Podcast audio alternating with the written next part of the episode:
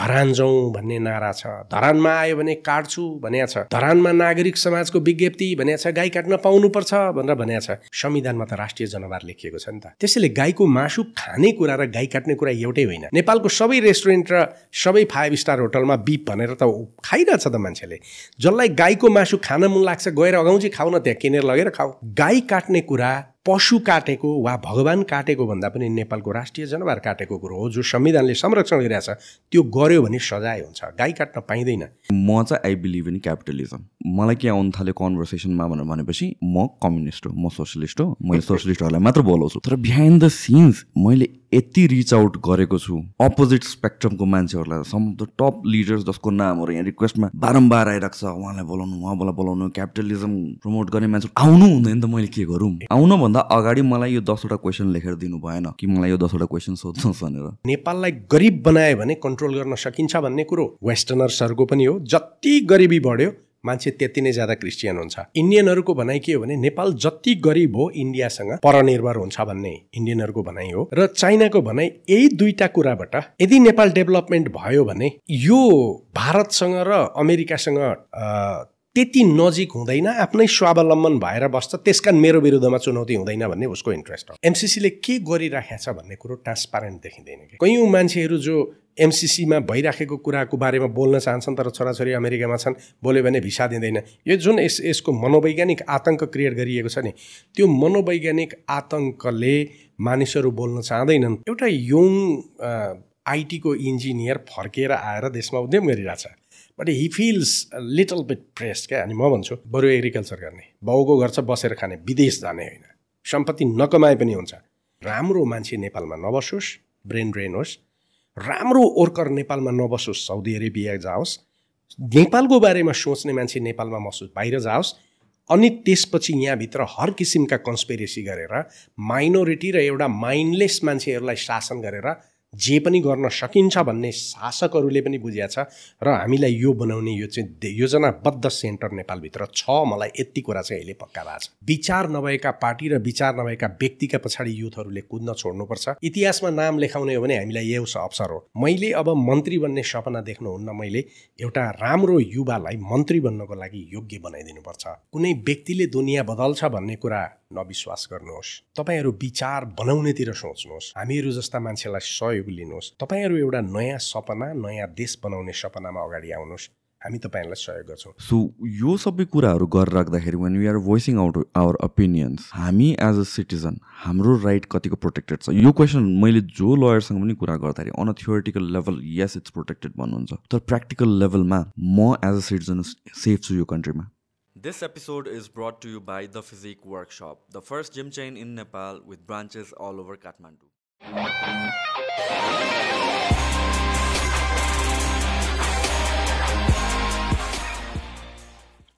Okay so हामीहरूको first discussion एमसिसीबाटै सुरु गरौँ किनभने चाहिँ हाम्रो फर्स्ट इन्टरेक्सन भनेकै एमसिसीकै लागि थियो र त्यहाँबाट चाहिँ आई थिङ्क त्यो एपिसोड मैले पहिलाको एपिसोडमा पनि भनेको छु यो होल पडकास्टले एउटा सेप लिन थालेको मोस्टली एकाडेमिक्स मोस्टली इन्टलेक्चुअल डिस्कसनहरूतिर लाग्न थाल्यो भनौँ न। It was because of MCC so एमसिसीको त्यो डिस्कसन त्यो पडकास्ट भएको झन्डा झन्डै डेढ वर्ष जस्तो भइसक्यो रहेछ फर्स्ट टाइमको अहिलेको अपडेट के छ जुन हामीले सुनिरहेको छौँ कि यो कन्ट्र्याक्ट साइन भएको त अग्रिमेन्ट साइन भएकोले अगाडि नै हो। तर यो आज भोलि कहिलेदेखि लागु हुन्छ भनेको त्यसको अर्थ के हो? दुई हजार सत्रको एग्रिमेन्टमा अनि त्यसपछि दुई हजार उन्नाइसको यो इम्प्लिमेन्टेसन अपरेसन भर्सन भन्छ। त्यसमा के लेखेको छ भन्दाखेरि दुवै पक्षले आजबाट कार्यान्वयन सुरु भनेको दिनबाट पाँच वर्षभित्रमा प्रोजेक्ट सिद्धिने भएको हुनाले त्यो इम्प्लिमेन्टेसन डेट चाहिँ तोक्नुपर्छ भन्ने भएको हुनाले। अहिले उहाँहरूले सत्र गते भने हो के अरे या चौध गते? बाट इम्प्लिमेन्टेसन हुन्छ भनेको मतलब चाहिँ त्यो चौध गते वा सत्र गतेबाट फाइभ इयर्सभित्र एक्टिभिटीहरू सकिनुपर्छ। र त्यो जुन अमेरिकन फन्ड छ त्यो अमेरिकन फन्ड चाहिँ यो पाँच वर्षभित्र खर्च भइसक्नुपर्छ। त्यो पाँच वर्षभित्र खर्च नभएको पैसा चाहिँ त्यो रिटर्न हुन्छ भनेर त्यो एग्रिमेन्टमा छ। त्यसको अर्थ चाहिँ यो फाइभ इयर्स र इम्प्लिमेन्टेसन डेबाट फाइभ इयर्स भनेको चाहिँ त्यो खर्च गर्ने डेट हो। ओके सो अहिलेसम्म त्यसो भए कामहरू सुरु भएछ कि छैन जुन ओरिजिनल इन्टेन्ट थियो। यो प्रोजेक्ट कस्तो छ भन्दाखेरि सार्वजनिक रूपमा धेरै बौद्धिकहरू हामीहरू जस्तो मान्छेहरू पत्रकारहरूसँग एकदम कम जानकारी हुन्छ छलफल हुन्छ। अब इम्प्लिमेन्टेसन भएको छैन भनेर भन्ने हो भने यो माथि नाङ्ले भारेमा एकपल्ट त लडाइँ नै भएको थियो नि। त्यहाँको जनताहरूले त्यो जग्गा छुट्याउन जाँदाखेरि आपत्ति नै गरेका थिए। उता नुवाकोटको रात माटेमा उहाँहरूको त्यो के भन्छ एउटा यो ग्रिड बन्ने जग्गा अधिकरण गरेर त्यहाँ निर्माणको बाटो बन्ने कुराहरू पनि छ। यता हिजो अस्ति एकजना साथीले भन्दै हुनुहुन्थ्यो यो सडक विभागको लागि ल्याबोरेटरी पनि बनाइदिइसकेको छ इत्यादि इत्यादि छन्। अब यो एमसिसीभित्रकै भयो भने त इम्प्लिमेन्टेसन भोलि पर्सिबाट मात्रै हुने भएबाट पैसा त आएको नहुने हो। न त्यो इम्प्लिमेन्टेसन नहुने। यतापट्टि नेपालले कन्ट्रिब्युट गर्नुपर्ने जुन पैसा हो त्यो पैसाबाट यो सबै बनिराखेको छ भने त त्यो नेपालले कन्ट्रिब्युट गरे पैसा पनि त यदि एनसिसीको इन्टिग्रेटेड प्रोजेक्टभित्र हो भने त त्यो इम्प्लिमेन्टेसनभित्र भयो त्यस कारण नै यिनै कुराहरूले कहिले कहिले के भन्दाखेरि एमसिसीले के गरिराखेको छ भन्ने कुरो ट्रान्सपारेन्ट देखिँदैन कि। त्यो ट्रान्सपारेन्ट नदेखिएको कारणले गर्दाखेरि इभन यो प्रोजेक्ट एकदमै राम्रो रहेछ भने पनि त्यो विवाद आउने कारण एउटा एउटा मेजर कारण यो पनि हो। कस्तो एउटा स्थिति देखिन्छ भन्दाखेरि नेपाली नागरिकहरूले एग्रिमेन्टमा लेखिएका केही केही कुराहरूमा हाम्रो नेसनल इन्ट्रेस्टलाई यसले राम्रोसँग सर्भ गर्दैन भन्ने दृष्टिकोणबाट एउटा उठाएको डेमोक्रेटिक जुन डिबेट थियो जस्तो सम्झौताका शर्तहरू नेपालको कानुनभन्दा माथि छन्। जेनरल अमेरिकन इन्ट्रेस्ट चाहिँ यो प्रोजेक्टमा लागु हुन्छ। अमेरिकन ल पालन गर्नुपर्छ। र यो प्रोजेक्टमा जति पनि विदेशी काम गर्न आउने हुन् उनीहरूलाई चाहिँ ट्याक्स एक्जाम्सन हुन्छ जुन कुरो हाम्रो संविधानले एक्सेप्ट गर्दैन। लगायतका कुराहरूमा यो कुरो ठिक छैन यो कुरामा संशोधन हुनुपर्छ भन्ने कुरो। चाहे चिनसँग एग्रिमेन्ट होस् चाहे भारतसँग होस् हामीले त सधैँ उठाइराखेकै छौँ नि। जस्तो महाकालीको एग्रिमेन्टको बारेमा पनि नेपालीहरूले प्रश्न उठाए बाबुराम भट्टराईले इन्डियामा गएर बिप पायो बिजनेस सम्बन्धी गरेको कुरामा पनि उठाए। लगायत के भन्दाखेरि नेपाल र चिनको बिचमा भएको त्यो अठार सय सत्र सय बयानब्बेको एग्रिमेन्टको बारेमा अहिले पनि कुरा उठ्छ। चिनले आफूलाई ठुलो दाजु जस्तो प्रस्तुत गर्यो भनेर आज पनि त्यो कुरा उठ्छ। कुनै पनि सोभरन कन्ट्रीको मान्छेले कुनै सम्झौतामा डिबेट गर्नुपर्ने कुरा राम्रो हो।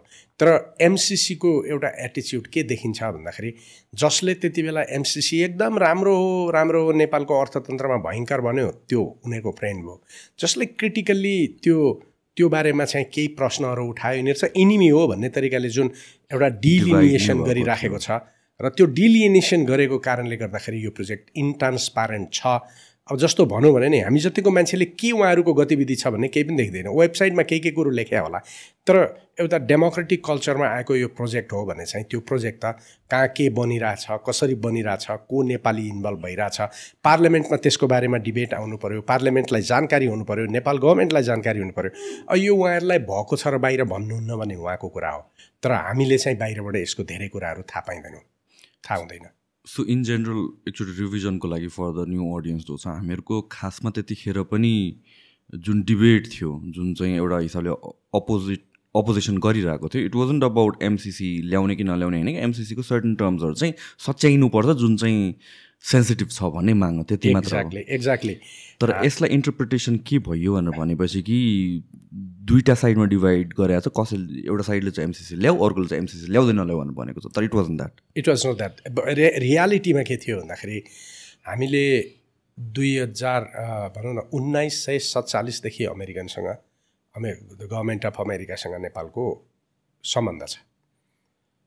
उन्नाइस सय चौन्नबाट चिनसँग हाम्रो सम्बन्ध भयो। उन्नाइस सय उन्साठी पछाडि चिनसँग पनि सहयोग आउन थाल्यो।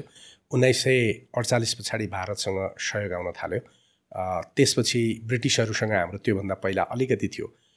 क्रमशः युरोपियनहरूसँग पनि सहयोग आउन थाल्यो र अमेरिकनहरूले नेपालमा ल्याएको सबैभन्दा पहिलो सहयोग मार्सल मार मार्सल प्रोजेक्ट अन्तर्गतको सहयोग थियो। अमेरिकनहरूको नेपालमा चाहिँ यो मलेरिया इराडि इराडिकेसनको प्रोजेक्ट आयो इत्यादि आयो। उति बेलादेखि नै आएको हो। त्यसमा नेपालले कुनै पनि देशको पोलिटिकल आइडियोलोजीसँग गाँसेर सहयोग लिने कि नलिने भन्ने कहिले पनि भनेन। अहिले भर्खर एउटा किताब पढ्दै थिएँ। त्यो किताबमा यो नयाँ किताब एउटा आएको छ माओ सदोङ इन डिप्लोमेसी भन्ने।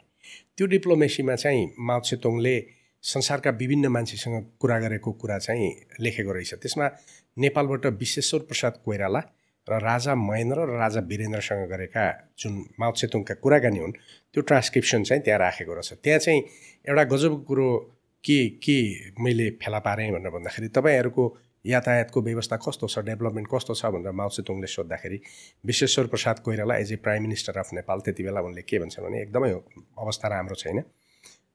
भर्खरै हामीले नेपालको इस्टबाट वेस्टसम्म करिब करिब नौ दस सय किलोमिटरको नौ दस सय किलोमिटरको एउटा बाटो चाहिँ बनाउन लागेका छौँ र हामीलाई चाहिँ सोभियत युनियनले त्यो बाटो सर्वे गरिदिनको लागि चाहिँ मद्दत गर्यो। भन्दाखेरि सोभियत युनियन त कम्युनिस्ट थियो त्यति बेला त स्टालिन भर्खर मरेको तर स्टालिनकै पालाबाट त्यो सहयोगहरू सुरु हुन थालेको भन्ने देखियो भने हामीले कम्युनिस्ट कन्ट्रीसँग पनि सहयोग ल्याएको छ पुँजीवादी देशसँग पनि लिएको छ। हामीले जर्मनीसँग पनि लिएको सबैसँग लिएको छ।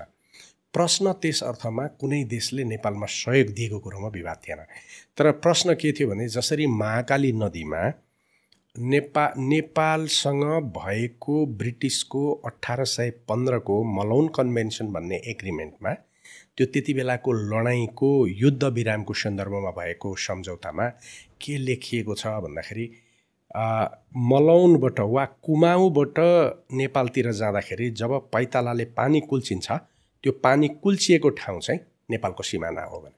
तर महाकाली सन्धिमा महाकाली साझा पानी आधा आधा भन्ने थ्योरीले जनताले विरोध गर्यो त्यो कुराको। कोशी नदी एकलौटी रूपमा इन्डियाले आफ्नो प्रयोगको लागि कोशी हाम्रो नेपालको जमिन डुबाएर त्यत्रो बाँध पड्किएर त्यत्रो जमिन हाम्रो समाप्त पऱ्यो केही वर्ष अगाडि त्यो प्रोजेक्टको बारेमा। गण्डकी प्रोजेक्ट बन्यो गण्डकी प्रोजेक्ट अलि माथि बनाएको भए त नेपाललाई पनि त सिँचाइ हुन्थ्यो नि। कोशीको प्रोजेक्ट माथि बनाएको भए नेपाललाई पनि हुन्थ्यो। यो किन एउटा देशलाई मात्रै सहयोग पानी हाम्रो जमिन हाम्रो सहयोग चाहिँ उसलाई भन्ने कुरामा नेपालीहरूले सधैँ यस्तो कुरोहरू उठाउँदै आएको कुरो हो। एमसिसीमा पैसाको कुरो विवाद थिएन र यो विकासको कुरामा पनि विवाद थिएन। तर त्यहाँ केही केही कुराहरू देखिए जस्तो पर्पेच्युटी अफ यो सक्सेसनको कुरो बनिसकेपछि पनि अमेरिकन गभर्मेन्टको वा एमसिसीको त्यसको डिजाइनको बारेमा त्यसको सर्वेको बारेमा त्यसमा प्रयोग भएको आइटम्सहरू इक्विपमेन्ट्सहरू र त्यहाँ प्रयोग भएको जमिन सरकारले लिएनमा पनि दिन नपाउने लगायतका कुराहरू उठे। यो चाहिँ अति भयो यो ठिक हुँदैन। यदि सहयोग हो भने हामीलाई भान्ने किन? हाम्रो गरिबीमाथि पो उहाँहरूले सहयोग गरे त भन्ने कुरो इकोनोमिस्टहरूबाट उठ्यो। खास गरी म जस्ता लयरहरूले के कुरामा उठाए कुरा उठाए भन्दाखेरि यो कसरी कुनै एउटा देशको एग्रिमेन्ट कुनै एउटा देशको लभन्दा माथि हुन्छ त्यो गलत हो भन्ने खालको कुरो आयो। त्यहाँ के देखियो भनेर भन्दाखेरि निजीकरणलाई प्राथमिकता दिने कुरो उठ्यो। निजीकरण नै नेपालको इकोनोमी हुन्छ भन्ने कुरो त्यहाँ लेखियो। तर यतापट्टि हामीले बनाएको संविधान त समाजवाद उन्मुख भनेर भनेको छ। भनेपछि यो त संविधानभन्दा माथि भयो संविधानले समाजवाद उन्मुख भनेको छ सम्झौतामा निजीकरण लेखिएको छ। यी कुराहरू मिलाउनु पर्ने कुरा हुन् भनेर आएको एउटा डिबेट थियो। तर त्यो डिबेटलाई प्रो अमेरिकन नेपालका केही इन्टलेक्चुअलहरू म तिनीहरूलाई मेन्टल्ली डिस्टर्ब मेन्टल्ली यो कग्नेटिभ डिस्टर्सन भएका मान्छेहरू भनेर भन्छु। उनीहरूले त्यो नेसनको इन्ट्रेस्टको बारेमा बोल्ने जति हामीहरू थियौँ हामीलाई एन्टी अमेरिकन हुन् भनेर ब्रान्डेड गरिदिए। अनि नट जस्ट एन्टी अमेरिकन यो त एन्टी डेभलपमेन्टकै नाम दियो त्यही त अनि एन्टी डेभलपमेन्ट भनेर भन्न लागे त्यो उनीहरूको चाकरी थियो। तर पछि के भयो भनेर भन्दाखेरि मान्छेले त्यसलाई रिजेक्ट गर्यो बेग्लै ठाउँ कुरा हो। तर यो चाहिँ के भन्दाखेरि प्रो अमेरिकन हुनका लागि प्रो एन्टी डेभलपमेन्ट भन्ने एन्टी अमेरिकन भन्ने जुन खालको परिणाम त्यो एउटा न्यारेटिभ्स इस्टाब्लिस गर्न खोज्यो। मैले त त्यति बेला पनि प्रश्न भने भने यो अमेरिकाको लागि राम्रो होइन। अमेरिकनहरूले प्रोजेक्टहरू नेपालमा राम्रोसँग सञ्चालन गरेर नेपालीहरूको मनमा बस्ने हो। अमेरिकनहरूले यो तरिकाले नेपालको इन्टलेक्चुअलहरूलाई डिभाइड गर्ने अनि आफ्नो स्वार्थको बारेमा बोल्ने मान्छेहरूलाई प्रो एन्टी डेभलपमेन्ट एन्टी अमेरिकनको खिताब चढाएर जान्छ। यो तरिकाले जान्छ भने त पिपलले रिजेक्ट गर्छ नि भोलि। भनेपछि जति अमेरिकनहरूले र प्रो अमेरिकन भइसकेका यहाँका केही मान्छेहरूले यो खालको न्यारेटिभ्सलाई प्रमोट गर्छ त्यसको ठाउँमा त अमेरिकाको विरुद्धमा इन्डियन चिनियनहरू चिनियाहरू नै बढ्ने हो नि त। त्यसकारण चाहिँ यो गलत थियो। आज पनि त्यो सेन्टिमेन्टबाट उहाँहरू मुक्त भएको स्थिति छैन। सो एट दिस पोइन्ट चाहिँ के छ नेगेटिभ किनभने चाहिँ त्यो वान पोइन्टमा बोर्डर नै कन्फ्युजिङ थियो कि there were people who are against MCC there were people who are pro MCC तर एमसिसी पास हुने बेलामा मान्छेहरूले साइड स्विच गर्यो कतिवटा। पोलिटिकल लिडर्सहरूले पनि साइड स्विच गर्नुभयो। अहिले आएर रिफ्लेक्ट ब्याक गर्दाखेरि अहिलेको सेन्टिमेन्ट के छ? अहिलेको सेन्टिमेन्ट पनि तपाईँको के भन्दाखेरि यसले सबैभन्दा ठुलो नोक्सानी त इस्टाब्लिस पोलिटिकल पार्टिजहरूलाई गर्यो। जो मान्छे एमसिसीमा प्रो एन्ड अगेन्स्टमा इन्भल्भ भएको थिएन अब ती मान्छेहरू इलेक्सनमा थुप्रै जितेर आए। तर एमसिसीमा डोयल रोल गरेकै कारणले गर्दाखेरि आज हिजो एउटै पार्टीले सरकार बनाउन सक्ने स्थिति थियो आज चारवटा मिलेर बनाउनु पर्ने खालको स्थिति छ। सबैलाई यसले नोक्सानी बन बनाएको छ। पहिलो चरणमा डेभलपमेन्टको बारेमा त्यति बेला उठेको हाम्रो तर्फबाट उठेको कुरा जति भनौँ न चाहे दिपक गेमलीले बोल्दाखेरि होस् चाहे सूर्यराजले बोल्दाखेरि होस् चाहे मैले बोल्दाखेरि होस् इभन तपाईँको नेपाली काङ्ग्रेससँग नजिक रहेको पुरञ्जन आचार्यहरूदेखि लिएर धेरैले बोल्दाखेरि हाम्रो भनाइमा एउटा कुरा के थियो भने हामीले अहिले देशको कुना कुनामा देशको प्रत्येक घरमा बत्ती पुर्याउने हो प्रत्येक गाउँमा प्रत्येक ओडामा बत्ती पुर्याउने हो ताकि बिजुलीले जसरी बाटोले बजार डेभलप गर्छ बिजुलीले उद्यम डेभलप गर्छ। अहिले हामीले बिजुली बेच्ने बेला होइन यदि तपाईँ ट्रान्समिसनको कुरा गर्नुहुन्छ भने पनि नेपालको कुना कुनामा बत्ती कसरी पुग्छ भन्ने कुरालाई चाहिँ बढी जोड दिनुहोस् न। बत्ती बेच्ने बत्ती बेच्ने बत्ती बेच्ने न्यारेटिभ्स आयो। अहिले पनि मानिसहरूको एउटा गजबको न्यारेटिभ्स म मार्केटमा के देख्छु भने इन्डियालाई इन्डियालाई बत्ती बेचेर हामी कति चाहिँ मतलब फाइदा लिन सक्छौँ? अब भनौँ न अहिले बत्ती बेच्ने बत्ती बेच्ने भनेको छ। बत्ती त बेच्यो इन्डियाको उहाँ गयो। तर नेपालको गाउँ गाउँमा बिजुली नपुगेको हुनाले इलेक्ट्रिकल बस छैन इलेक्ट्रिकल भेहिकल छैन अनि खाना बनाउने माथि तपाईँको ओलाङचुङ गोलासम्म ग्यास ग्यास बोकेर लगेको छ पैँसठी सय म गोर्खा गएँ। गोर्खाको उत्तरी गोर्खा जाँदा पैँसठी सय रुपियाँ एउटा ग्यासको खचडले बोकेर जाने। भनेपछि तिन खरबको पेट्रोल र ग्यास चाहिँ आइरहने अनि हामी सस्तोमा बत्ती दिएर कतिको बे कति कतिको बेच्छौँ हामी? तिन खरबको बिजुली हामी कहिलेसम्म बेच्न सक्छौँ? अहिले दस वर्षमा त हामी तिन खरबको बत्ती बेच्न सक्दैनौँ बिजुली बेच्न सक्दैनौँ इन्डियालाई। भने तपाईँले अहिले गर्ने कुरो त देशमा बिजुलीबाट ग्यास डिस्प्लेस गर्ने हो त्यसलाई रिप्लेस गर्ने हो पेट्रोल रिप्लेस गर्ने हो अनि बत्तीले प्रयोग यो ग्यास र पेट्रोलियमले प्रयोग भएको सबै चिजलाई रिप्लेस गरेपछि जब हामी सफिसियन्ट हुन्छौँ एनर्जीमा त्यसपछि पो बेच्ने हो त। अब यसले त के हुन्छ भन्दाखेरि इन्टलेक्चुअलहरू जो बोल्न डराउँछन् अहिले म जस्ता बहुत थोरै मान्छेहरू छन् जो आँट गरेर बोल्छन् तर आम इन्टलेक्चुअल के भन्छन् भन्दाखेरि ब्ल्याक लिस्ट गर्छ। यो बोल्यो भने त ब्ल्याक लिस्ट हुन्छ। छोराछोरी अमेरिका जान पाउँदैनन् आफू अमेरिका जान पाइँदैन। कैयौँ मान्छेहरू जो एमसिसीमा भइराखेको कुराको बारेमा बोल्न चाहन्छन् तर छोराछोरी अमेरिकामा छन् बोल्यो भने भिसा दिँदैन। यो जुन यस यसको मनोवैज्ञानिक आतङ्क क्रिएट गरिएको छ नि त्यो मनोवैज्ञानिक आतङ्कले मानिसहरू बोल्न चाहँदैनन् तर एमसिसीको आज पनि प्रब्लम के हो भन्दाखेरि अमेरिकन बजेट आएको अमेरिकन फन्डिङ आएको कुरामा होइन। नेपालको ट्रान्समिसन लाइन बनाउने कुरामा पनि विरोधको कुरो होइन। तर नेपालमा बनेको त्यो ट्रान्समिसन लाइनले बत्ती चाहिँ यदि नेपालमा वितरण भएको भए राम्रो हुन्थ्यो। तर हामीले सस्तोमा बत्ती इन्डियालाई दिएर इन्डियाको कन्ट्रोल नेपालको इनर्जीमा क्रिएट गरेर उसको ग्यास चाहिँ पैँसठी सयमा गोर्खामा किन्ने वातावरण यथावत गर्ने भने नेपाल त जहिले पनि एउटा क्लाइन्ट स्टेट हुन्छ। नेपाल एउटा उद्यमशील देश पनि बन्न सक्दैन सोभरेन्टी इन्जोय पनि गर्न सक्दैन। त क्लाइन्ट स्टेट हुन्छ। कहिले अमेरिकाको क्लाइन्ट स्टेट कहिले इन्डियाको क्लाइन्ट स्टेट। यो यो प्रोजेक्टले क्लाइन्ट स्टेटबाट नेपाललाई बाहिर निकाल्नु पर्थ्यो। त्यो गर्दैन भन्ने त आम न्यारेटिभ अहिले मान्छेको त्यो हो। सो यसरी हेर्दाखेरि तपाईँले कुन हिसाबले हेर्नुहुन्छ? यसलाई डेभलपमेन्ट प्रोजेक्ट हो कि यो भनेको जियो पोलिटिकल कन्ट्रोलको टुल हो? सुरु सुरुमा धेरै मानिसहरूले यसलाई डेभलपमेन्ट प्रोजेक्टको रूपमा हेरेँ। मैले पनि यसलाई डेभलपमेन्ट प्रोजेक्टकै रूपमा हेरेँ हो। डेभलपमेन्ट प्रोजेक्टकै रूपमा हेर्दाखेरि यसलाई यदि सक्सेसफुल डेभलपमेन्ट प्रोजेक्ट बनाउने हो भने यसका कतिपय एग्रिमेन्टहरूलाई चेन्ज गर्नु आवश्यक छ रेटिफाई यसलाई एमेन्ड गर्नुपर्छ। ताकि नेपालीहरूले पनि यो प्रोजेक्ट ओन गर्ने महसुस गर्न सकोस्। तर जुन डिबेट क्रिएट गरियो र जुन तरिकाले अमेरिकन लिडर्सहरूको नेपालमा फ्लो भयो जुन तरिकाले यो ने अमेरिकन गभर्मेन्टले दिएको नेपाल गभर्मेन्टलाई दिएको एसिस्टेन्ट भन्दा पनि अमेरिकन गभर्मेन्टले ल्याएको एउटा प्रोजेक्ट र नेपाल गभर्मेन्टभन्दा छुट्टै एउटा इन्स्टिट्युसन बनाएर इम्प्लिमेन्ट गर्ने जुन कुरा हो त्यसले गर्दाखेरि त्यसले नेपाली जनतालाई यो प्रोजेक्ट ओन गर्न दिएको छैन। उहाँहरूका सय पचासजना मान्छेले यसलाई जागिर खानेले त्यहाँभित्रका काम गर्नेले त्यहाँभित्र जागिर पाउनेले त्यसबाट डाइरेक्टली इन्डाइरेक्ट बेनिफिट पाउनेले राम्रो छ भन्ने एउटा कुरा होला। तर प्रश्न के हो भने यो प्रोजेक्ट जुन ओन गर्ने कुरा थियो नेपाली जनताले गर्न सकेन। नेपाली जनताले त्यसलाई ओन गर्ने गरी ट्रान्सपारेन्ट तरिकाले नगएको कारणले गर्दाखेरि बिस्तारै यसको एउटा कस्तो स्थिति चाहिँ देखिन लागिरहेको छ भन्दाखेरि यो मोर जियो पोलिटिक्स हो भन्ने देखिन्छ।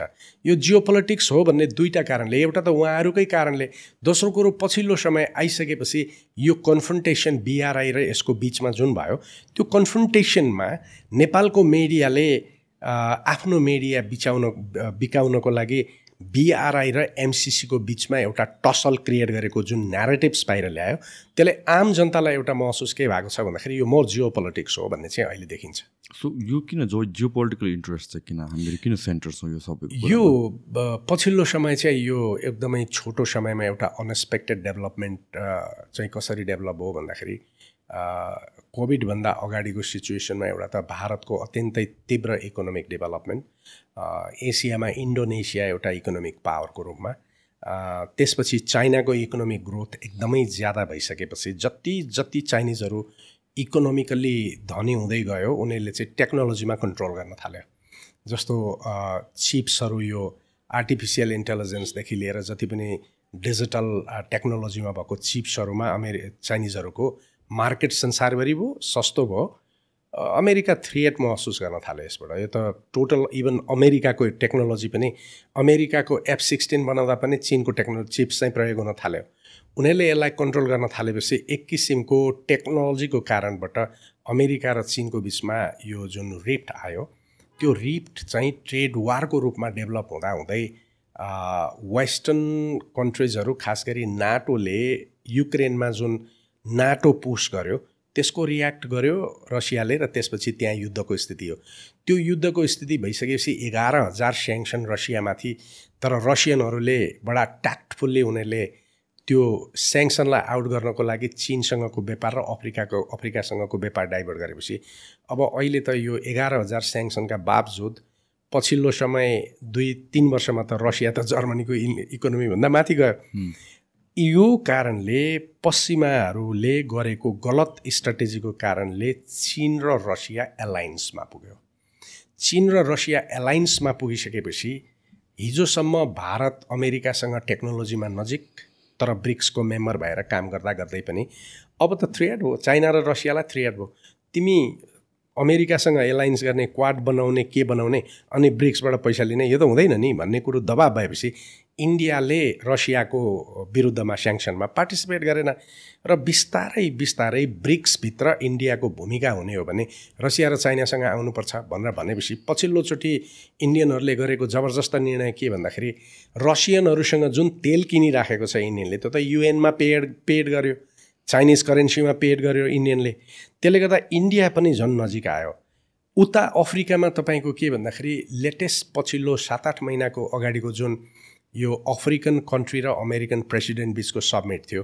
त्यो सब्मिटमा चाहिँ अमेरिकाबाट प्रेसिडेन्टले बोलाएर अफ्रिकाको नेताहरूसँग कुरा गर्दा अफ्रिकन नेताहरूले त रियाक्ट गर्यो। अझ तपाईँको केन्याको प्रेसिडेन्टले त के भन्यो भन्दाखेरि हामीले त बच्चा बच्चीलाई स्कुलको बसमा हालेर हिँडाए जस्तो हाम्रो पनि सम्मान छ।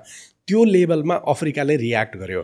अफ्रिकाले के अरे अमेरिकनको विरुद्ध रियाक्ट गर्ने। अनि त्यसपछि साउथ अफ्रिकाले चुनौतीपूर्ण तरिकाले अमेरिकाको विरोध गर्ने।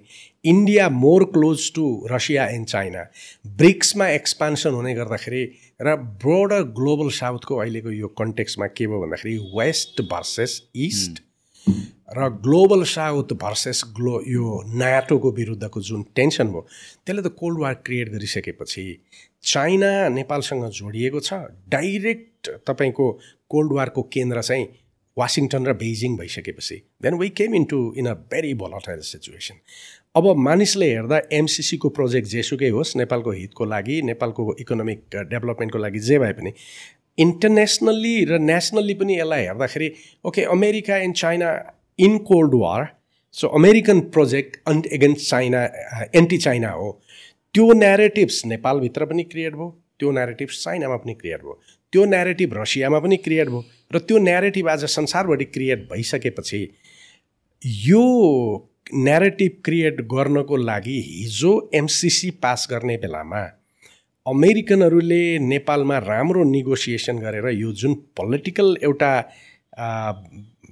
ब्लास्ट जुन बजारमा क्रिएट गर्यो नि त्यति बेला यो रेटिफिकेसनको लागि र राजनैतिक दलका नेताहरू दबाबमा परेर यो चाहिँ गरे। भन्ने खालको कुरो त उनीहरूले बोलिरहेछन्। त्यो सिचुएसन क्रिएट नभएको भएदेखि यो एउटा प्रोजेक्टको रूपमा जान्थ्यो। जस्तो चिनियाहरूको लेटेस्ट एउटा स्टेटमेन्ट थियो नेपालको बारेमा।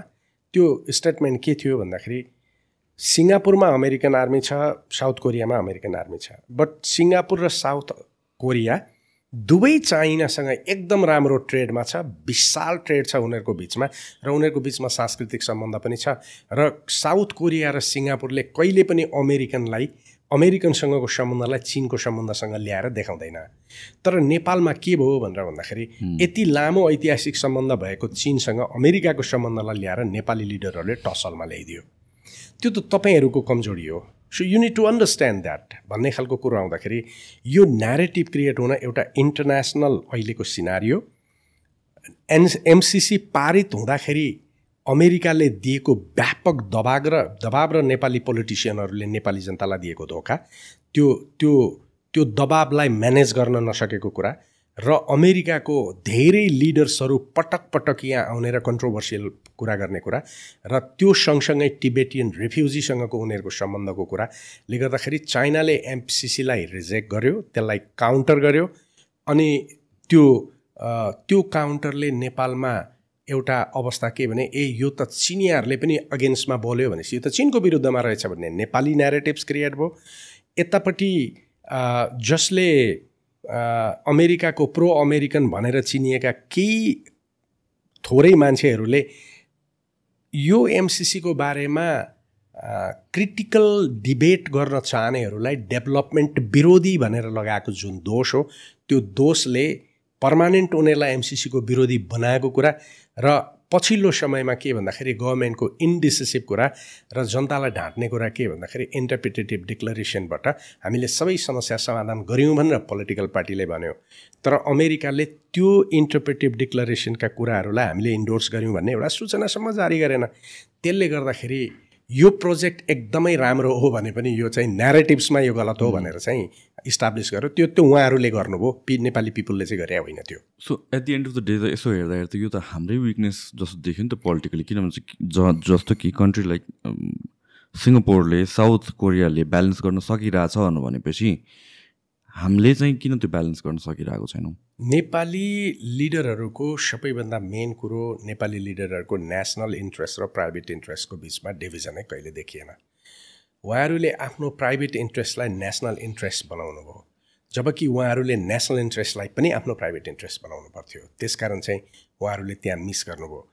र मैले देखेको कुरो के हो भने नेपालको पोलिटिकल लिडर्सले अन्य देशहरूसँग निगोसिएट गर्दाखेरि एक्सपर्टाइज कहिले पनि प्रयोग गर्दैन। विज्ञताको कहिले पनि प्रयोग गर्दैन। नेपालको ब्युरोक्रेसी एकदम सबमिसिभ छ। नेताको अगाडि हात जोड्ने खालको छ। नेतासँग क्रिटिकल्ली उसले डिबेट गर्न सक्दैन। मन्त्रीले जे भन्यो त्यही गर्छ। मन्त्रीको अगाडि उनीहरूले सबमिसिभ तरिकाले केही काउन्टर कुराहरू यो त मिल्दैन भनिहाल्यो भने पनि कसरी मिल्दैन? भनेर भनेपछि उसले त्यहीँनिर तोम शरणम गरिहाल्छ उसले जागिर मात्रै खान्छ नेसनलको इन्ट्रेस्ट सर्भ गर्दैन। पछिल्लो समय त ब्युरोक्रेसी यस्तो भयो कि पोलिटिक्समा जोडिएर कुनै न कुनै पार्टीसँग जोडिएर आवश्यकता अनुसार पार्टी फेर्दै आफ्नो व्यक्तिगत कुरा कसरी पुरा गर्ने भन्ने कुरामा नेपालको लिडरसिप के अरे ब्युरोक्रेसीको लिडरसिप गयो। यतापट्टि इन्टलेक्चुअलहरूलाई त यथार्थमा भन्ने हो भने त नेपालको पोलिटिकल पार्टीले उनीहरूकै पार्टीभित्र रहेको क्रिटिकल उनीहरूको आइडियोलोजिकल्ली नजिक भएको मान्छेलाई लिडर्सहरूले नजिक आउन दिँदैन। अर्को पार्टीसँग भ नजिक भएको वा न्युट्रल मान्छेहरूले त जाने चान्सै पाउँदैन। भनेपछि उनीहरूको नजिक जाने भन्ने मान्छे को हो भन्दाखेरि सिउडो नलेज एउटा ढाँट शास्त्र बुझेको नेताको नजिक भएर कुनै पद खोजेको मान्छेले यस्तो कुरो बुझ्दै बुझ्दैन। त्यसकारण नेपालको लिडरसिपले अरू देशहरूसँग सँगको डाइलगमा आफूलाई कम्पिटेन्ट बनाउन सकेन डेलिभर गर्न सकेन। परिणामस्वरूप के भयो भन्दाखेरि एक ठाउँमा चिप्लिए जस्तै स्नोबल भन्छ नि एक ठाउँमा चिप्लियो लडेको लडै लडेको लडै गयो। त्यसले गर्दाखेरि यो समस्याको समाधान चाहिँ यथार्थमा हामीले अमेरिकालाई गाली गर्नु अनि एमसिसीको बारेमा धेरै क्रिटिकल हुनुभन्दा नेपाली लिडर्सहरूले गरेको मिस्टेक्सले आज देश चाहिँ के भन्दाखेरि एउटा डिभाइडेड अवस्थामा पुग्यो। त नेपाली पोलिटिकल पार्टीहरूको प्रब्लम हो यो मेजर भन्ने कुरामा विवाद छैन। एक्ज्याक्टली किनभने चाहिँ हामीले जे पनि कुरा अब आई मिन सबैजनाले सबै पार्टिजले आफ्नै इन्ट्रेस्ट खोज्छ। त्यो सबै ठाउँमा छ र त्यो आफ्नो ठाउँमा राइट पनि होला। At the end of the day decision makers र गेट किपर्स हामी हुनुपर्ने हो नि त। सो त्यसको अकाउन्टेबिलिटी र रेस्पोन्सिबिलिटी हामीले हामीलाई भित्र नै हेर्न पनि जरुरी छ जस्तो लाग्छ कि रादर देन ब्लेमिङ दिस र द्याट त्यो ठाउँ पनि छ होला बट देन लाइक भित्र जबसम्म सर्ट आउट हुँदैन तबसम्म त कहीँ पनि प्रोग्रेस हुनेवाला छैन। सिमिलरली यो हामी लास्ट टाइम भेट्दा दिस वाज अराउन्ड इलेक्सनको टाइम थियो। त्यसपछि इलेक्सन्स भयो लोकल लेभल भयो। हाम्रो मेन इलेक्सन्सहरू सबै सक्यो। At this point certain time पनि गइसक्यो। धेरै कुराहरू पनि भइसक्यो। जुन एउटा होप थियो रिगार्डिङ जुन पोलिटिकल चेन्ज आउला जुन प्रोग्रेसिभनेसमा जाउँ जान्छ होला यसो सर हेर्दाखेरि अहिले तपाईँको अब्जर्भेसन के छ? एकदमै यसलाई कसरी हेर्ने भन्दाखेरि नेपालको पोलिटिकल पार्टीहरूको एक्सनमा नेसनल इन्ट्रेस्टसँग जोडिएर उनीहरूले विचार गर्दाखेरि एउटा एनालोजी प्रयोग गरौँ न जस्तो हाई जम्प हुन्छ नि उफ्रिएर नाग्ने। त्यसको एउटा लोएस्ट मापदण्ड हुन्छ क्या जस्तो तिन फिटसम्म चाहिँ राख्ने तिन फिट माथिबाट जाने क्या। तिन फिटभन्दा तल उफारिँदैन क्या। तिन फिट चाहिँ जम्मैले नाग्नै पर्छ। अनि तिन फिटबाट साढे तिन फिट चार फिट पाँच फिट गर्दै गएर कहाँ हार्ने हो? माथिल्लो लेभल चाहिँ ऊ जान पाउँछ तर तल हुन्छ। यो नेसनल इन्ट्रेस्टमा नेपालको पोलिटिकल पार्टिजको कुनै पनि लोएस्ट स्ट्यान्डर्ड भएन। त्यस कारण उनीहरूले पोलिटिकल पार्टीले आफ्नो फाइदाको लागि देशै बिक्छ भने पनि बिकोस् भन्ने तरिकाले काम गर्यो।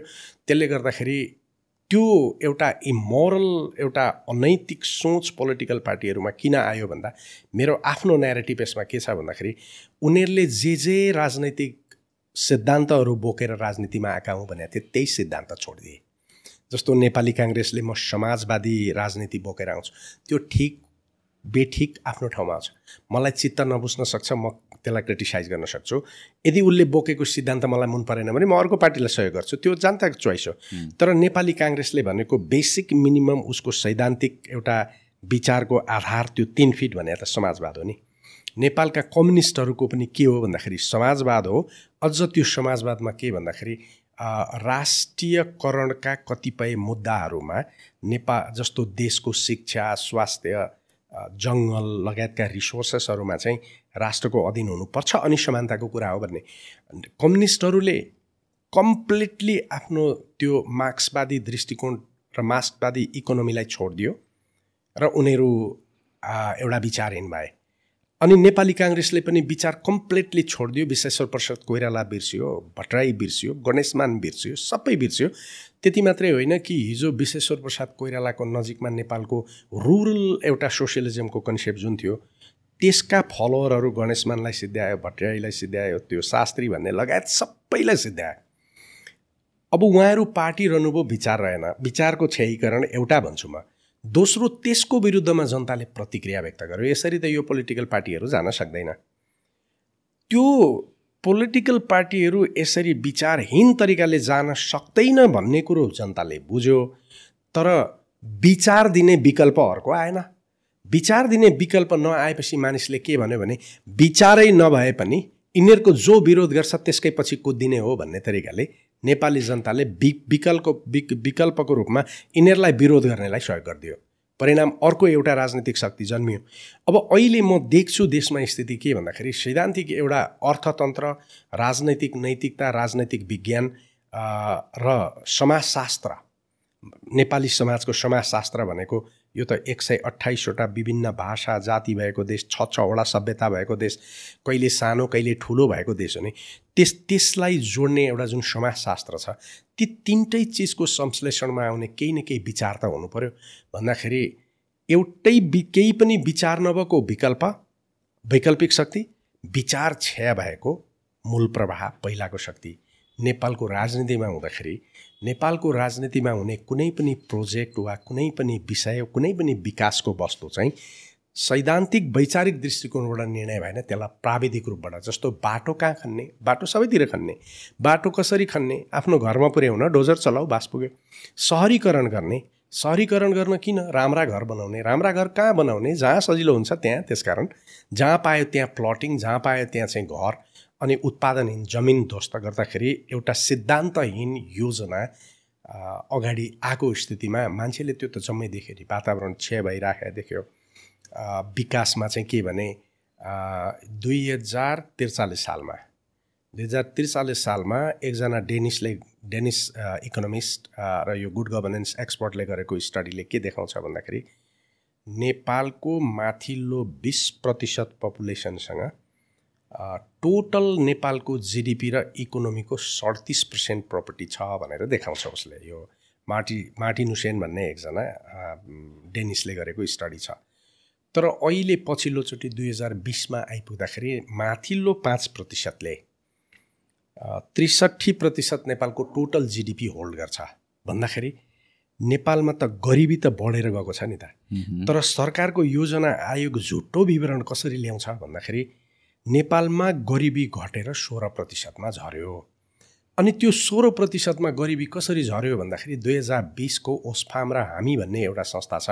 त्यसले गरेको नेपालको आर्थिक विकास र असमानता इकोनोमिक यो वेल्थको इनइक्वालिटीको बारेमा उसले निकालेको रिपोर्टमा के भन्छ भन्दाखेरि एकजना व्यापारीले त दुई सय मिलियन डलर कमायो। त्यो दुई सय मिलियन डलरले नेपालको पचास वर्षको सोसियल वेलफेयरको काम गर्न सक्छ। तर त्यसको प्रपर्टी त्यसपछि नेपालको टोटल प्रपर्टीलाई जोडेर दुई तिन दुई crore two point seven million पिपलले गुना गर्दाखेरि ओके गरिबी घट्यो। भनेपछि विनोद चौधरीजीको पैसा कागजमा मलाई पनि भाग लगाइयो त म त पाउँदिनँ नि त त्यो त। भन्दाखेरि त्यसरी तर एक्चुली जो एक्चुली फ्याक्टमा हो नेपालीहरू गरिब बढी भयो। त्यही गरिब बढी भएको कारणले तेह्र सय मान्छे प्रत्येक दिन एयरपोर्टबाट उडिराखेको छ। तर त्यो तेह्र सय उडेको मान्छेले चाहिँ ल्याएको पैसा कसरी प्रयोग भएन भन्दाखेरि उसले तिस लाख कमाएर ल्यायो त्यो वस्तु उत्पादनमा प्रयोग भएर अनि वस्तु बजारमा गएर ऊ धनी हुने होइन। उसले पैसाले पैसा कमायो उसले दस लाख खर्च गरेर गयो तिस लाख ल्यायो। तिस लाख ल्याएर उसले केमा प्रयोग गर्यो भने घरमा प्रयोग गर्यो। घरमा बसेको छ घरले उत्पादन गर्दैन पैसाले पैसा मात्रै किन्यो। त्यसले गर्दाखेरि नेपालको इकोनोमी एकदमै धाराशायी अवस्थामा छ भनेर भन्दाखेरि अहिलेको हाम्रो टोटल अवस्था हेर्ने हो भने हामी एकदमै नकारात्मक अवस्थामा नेपालको इकोनोमिक एउटा कोल्याप्स हुन सक्ने एउटा चाहिँ ध्वस्त हुन सक्ने अवस्थामा र त्यो पाँच प्रतिशतमा पनि कस्तो बन्यो स्थिति कस्तो डरलाग्दो स्थिति छ भन्दाखेरि यो एउटा अर्को स्टडीले के देखाउँछ भन्दाखेरि नेपालका पोलिटिकल पार्टीहरूमा सत्तामा पुगिसकेका र सत्तामा पुग्न लागेका मान्छेहरू पनि असाध्यै धनी भए तर किन धनी भए भन्ने कुरो कहीँ पनि देखिँदैन।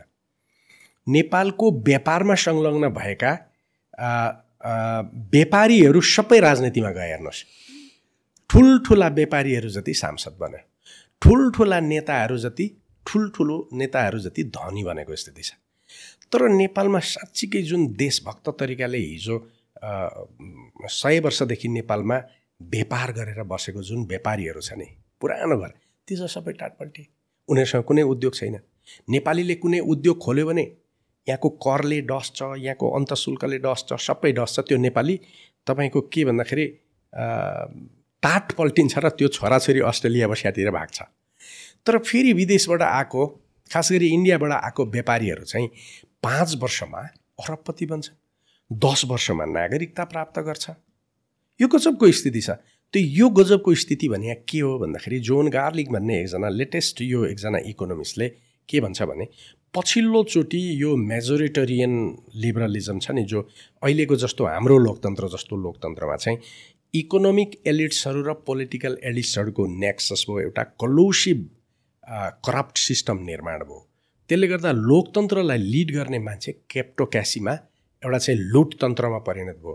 भनेपछि कसको बिचमा अन्तर्विरोध त अहिले नेपाली समाजमा भन्दाखेरि धनी नेता र राजनीतिक व्यापारीहरूको जुन एउटा क्लब बनिएको छ शासन चलाउन त्यसले त्यसकै फाइदाका लागि नीति बनाउने आम जनता गरिब त्यसैले आम जनताको समृद्धि विरुद्ध लुटतन्त्रको बिचको अहिलेको यो लडाइँ हो कि? यो लडाइँमा सही विचार दिन सक्यो भने विकल्प बन्ने हो। तर यिनीहरूलाई रिप्लेस मात्रै गर्न आउने त फेरि त्यही क्लबमा जोइन गर्न आउने हो नि त। उसले त त्यसलाई जितेर आफू हुन मात्रै आउने हो नि त। त्यसले गर्दाखेरि एउटा ठुलो कन्फ्युजन र एउटा भ्रमको अवस्था राजनीतिमा छ। नेपालका बुद्धिजीवीहरूले त्यसलाई चिरदिएको खण्डमा नेपालमा एउटा नयाँ पोलिटिकल फोर्स चाहिँ वास्तवमा साँच्चीकै एउटा सोसियल डेमोक्रेसीको रूपमा त्यो डेभलप हुन सक्ने सम्भावना चाहिँ छ। तर अहिलेसम्म त्यसको सिम्टम्स चाहिँ देखिएको छैन। नाउ यो इकोनोमीको बारेमा कुरा गर्दाखेरि र जसरी जुन हिसाबले युथहरू बाहिर गइरहेको छ यो कन्भर्सेसन आउँदाखेरि एउटा kind of like conspiracy theory बिचमा आउँछ कि? सेयिङ कि यो जुन इकोनोमी टर्मोइल भइरहेको छ यो भएको होइन कि यो गराइएको हो सो द्याट यहाँको युथहरू जो चाहिँ बोल्न सक्छ उनीहरू बाहिरै जाओस् जो के गर्न सक्छन् यहाँ बसोस् जोस् माइनोरिटीलाई चाहिँ कन्ट्रोलमा राख्न सकोस् भनेर। नाउ अगेन यो कन्सपिरेसी थ्योरी नै भन्ने कि तपाईँको अब्जर्भेसन किनभने you have studied for such a long time यो गराइएको हो भन्नुपर्ने अब यसमा तिनवटा इन्ट्रेस्ट बेसिकल्ली छ। एउटा तिनवटा इन्ट्रेस्ट के छ भन्दाखेरि इन्टरनेसनल पोलिटिक्स पनि छ। त्यो इन्टरनेसनल पोलिटिक्स के भनेको ग्रोइङ कोल्ड वारमा चाइना अमेरिका र भारतको बिचको जुन टेन्सन हो इन्ट्रेस्टको टेन्सन नेपालमा पोखिएको छ। त्यसैले यहाँ भारत र अमेरिकाको बिचमा पनि भयङ्कर ठुलो कन्ट्रडिक्सन छ। चाइना र इन्डियाको बिचको कन्ट्रडिक्सन पनि यहाँ पोखिएको छ। र अमेरिका र चाइनाको बिचको टेन्सन पनि पोखिएको छ। जस्तो उदाहरणको लागि त्यो कहाँ देखिन्छ भनेर भन्दाखेरि पछिल्लोचोटि इन्डियाले नेपालको संस्कृतिलाई जो डिफ्रेन्ट संस्कृति हो यो खास गरी छैटौँ शताब्दीबाट अंशु वर्माको पालादेखि नेपालको संस्कृति इन्डियासँग डिट्याच भएर आएको छ। नेपालको टोटल संस्कृति डिफ्रेन्ट हो र यसलाई मोर हिमालयन सिभिलाइजेसनको तरिकाले बुझिन् बुझिन्छ। तर यहाँको चाहिँ जस्तो भनौँ न यहाँको जुन बुद्ध धर्म हो र यहाँको हिन्दू धर्म हो त्यो पनि अन्तको भन्दा फरक छ। नेपालमा मात्रै हो तपाईँले थाहा पाएको हुनुपर्छ पाटनमा गुम्बामा तपाईँको भन्ते भन्छौँ नि हामी भन्तेहरू त बस्छ। तर बुद्धिस्ट छ तर घरमै बस्छ क्या घरमै बस्छ उसको फ्यामिली छ। हाम्रो बुद्ध धर्म त्यो भनेको मतलब गुम्बामै बस्नुपर्छ भन्ने छैन हाम्रो। त्यसैले बुद्ध धर्म मान्नेहरू पनि फ्यामिलीसँग बसेर बुद्ध धर्म मान्ने गुरुहरू भन्छ। त्यो पूजापाठहरू हुन्छ। एउटा त्यो। यतापट्टि तपाईँले हिन् हिन्दू जुन वैदिक सनातन धर्म हुन्छ वैदिक सनातन धर्म मान्ने बाहुन छेत्रीलाई हेर्नुहुन्छ भने उनीहरू बकाइदा मासु खान्छ काटेर। उनीहरू खसी काटेर खान्छ दसैँमा खसी काट्नुपर्छ साउनमा खसी काट्नुपर्छ। यो एउटा कल्ट छ। त्यो कल्ट कसरी बन्छ भनेर भन्दाखेरि बुद्ध धर्म वैदिक सनातन धर्म र किराँत धर्मको बिचमा जुन एउटा इन्टरेक्सन छ त्यो इन्टरेक्सनले हाम्रो संस्कृति कस्तो बनिएको छ भनेर भन्दाखेरि इन्द्र जात्रामा बुद्धको पनि पूजा हुन्छ अनि इन्द्रको पनि पूजा हुन्छ। हिन्दूहरूले पानी परेन भनेर इन्द्र जात्रा निकाल्छ अनि बुद्धिस्टहरूले त्यसलाई बुद्धको रूपमा बुझेर। त्यो यो कल्ट हो। यो कल्ट बन्यो भने र यो कल्टको रूपमा रहेको एउटा चाहिँ मौलिक संस्कृतिसँग जोडिएको धर्म कायम रह्यो भने भारत र इन्डिया डिफ्रेन्ट हुन्छन् भन्ने भारतीय कतिपय साधुहरूलाई लागे हुनाले पहेँलो बर्का उडायो नि अस्ति हाम्रो प्रधानमन्त्रीलाई धर्म हिन्दू धर्म भने त यो हो। त्यसकारण इन्डियाले पशुपतिलाई बढी फन्ड दिन्छ। जानकी मन्दिर बनाउन फन्ड दिन्छ स्कुल बनाउन कम दिन्छ। त्यो सांस्कृतिक खालको प्रेसर इन्डियाबाट आएको छ। तर वेस्टर्न कन्ट्रिजहरू नेपालमा क्रिस्चियनिटी प्रमोट गर्न जान्छ। त्यस कारण इन्डियासँगको कन्फ्रन्टेसन अहिले। यो इन्डियाको सांस्कृतिक नेपालको संस्कृतिको बढ्दो प्रभावको विरुद्धमा वेस्टर्नर्सहरू क्रिस्चियनलाई प्रयोग गरिरहेछ धरानको घटना देखिरहनु भएको छ यही हो। यसैको प्रतिफल हो त्यो। यता चाइना र अमेरिकाको कन्टेस्ट के हो भनेर भन्दाखेरि मूल रूपमा यिनीहरूको इन्टरनेसनल जुन कोल्ड वारको टेन्सन हो त्यो टेन्सन नै हो। चाइना र चाइना र यो इन्डियाको बिचको कन्टेस्ट के हो भन्दाखेरि चाइना आफ्नो उपस्थितिसहित नेपाललाई इकोनोमिक ग्रोथमा लगेर तिब्बतको विरुद्ध आफ्नो असुरक्षा समाप्त गर्न चाहन्छ। इन्डिया नेपाललाई आफ्नो सेक्युरिटीभित्र राख्न चाहन्छ। त्यहाँ उनीहरूको कन्टेस्टको कुरा उनीहरूको बोर्डर डिस्प्युट नेपालमा पोखिराखेको छ। यो तिनवटा दृष्टिकोणले कुरा गर्दाखेरि यो पोलिटिकल कुरा हो तर इकोनोमिक कुरा पनि छ। इकोनोमिक कुरा के हो भने नेपाललाई गरिब बनायो भने कन्ट्रोल गर्न सकिन्छ भन्ने कुरो वेस्टर्नर्सहरूको पनि हो। जति गरिबी बढ्यो मान्छे त्यति नै ज्यादा क्रिस्चियन हुन्छ। यो वेस्टर्न हो। इन्डियनहरूको भनाइ के हो भने नेपाल जति गरिब हो इन्डियासँग यो डिपेन्डेन्ट यो परनिर्भर हुन्छ भन्ने इन्डियनहरूको भनाइ हो। र चाइनाको भनाइ यही दुईवटा कुराबाट यदि नेपाल डेभलपमेन्ट भयो भने यो भारतसँग र अमेरिकासँग त्यति नजिक हुँदैन आफ्नै स्वावलम्बन भएर बस्छ त्यस कारण मेरो विरुद्धमा चुनौती हुँदैन भन्ने उसको इन्ट्रेस्ट हो। त्यसकारण जस्तो दुईवटा घटना दियो भने एकदम प्रष्ट हुन्छ। माथि काभ्रेमा दुध पोखिएको घटना एउटा। विशाल दुध पोख्ने आज चाहिँ के भन्दाखेरि मिल्क होलिडे। दुध पोख्ने भन्ने घटना आयो। मैले त्यो ठाउँका मान्छेहरूलाई गएर कुरा गरेँ। रियल किसानहरू के भन्छ भन्दाखेरि त्यो दुध पोख्ने कुरालाई दुध त कहाँ पोख्ने? पोख्न पर्दैन यहाँ पुगेको छैन। तर मान्छेहरूले गाई थपिरहेछ भैँसी थपिरहेछ।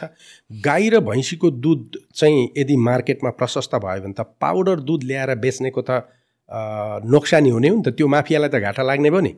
भनेपछि बाहिर दुध पोख्यो भन्दाखेरि पाउडर दुध बनाएर दुध पोख्यो।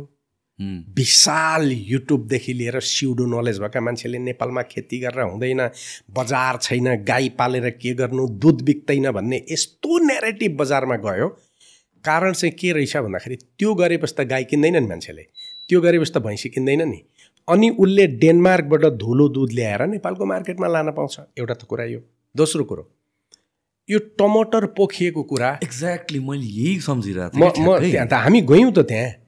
त्यो टमाटर पोखिएको कुरो व्यापक। यो देशमा के गर्नु केही गरेर ड्रामाटाइजेसन नै एकदम एकदम एकदम। तपाईँको के भने यो गरेर के गर्नु भनेर आयो।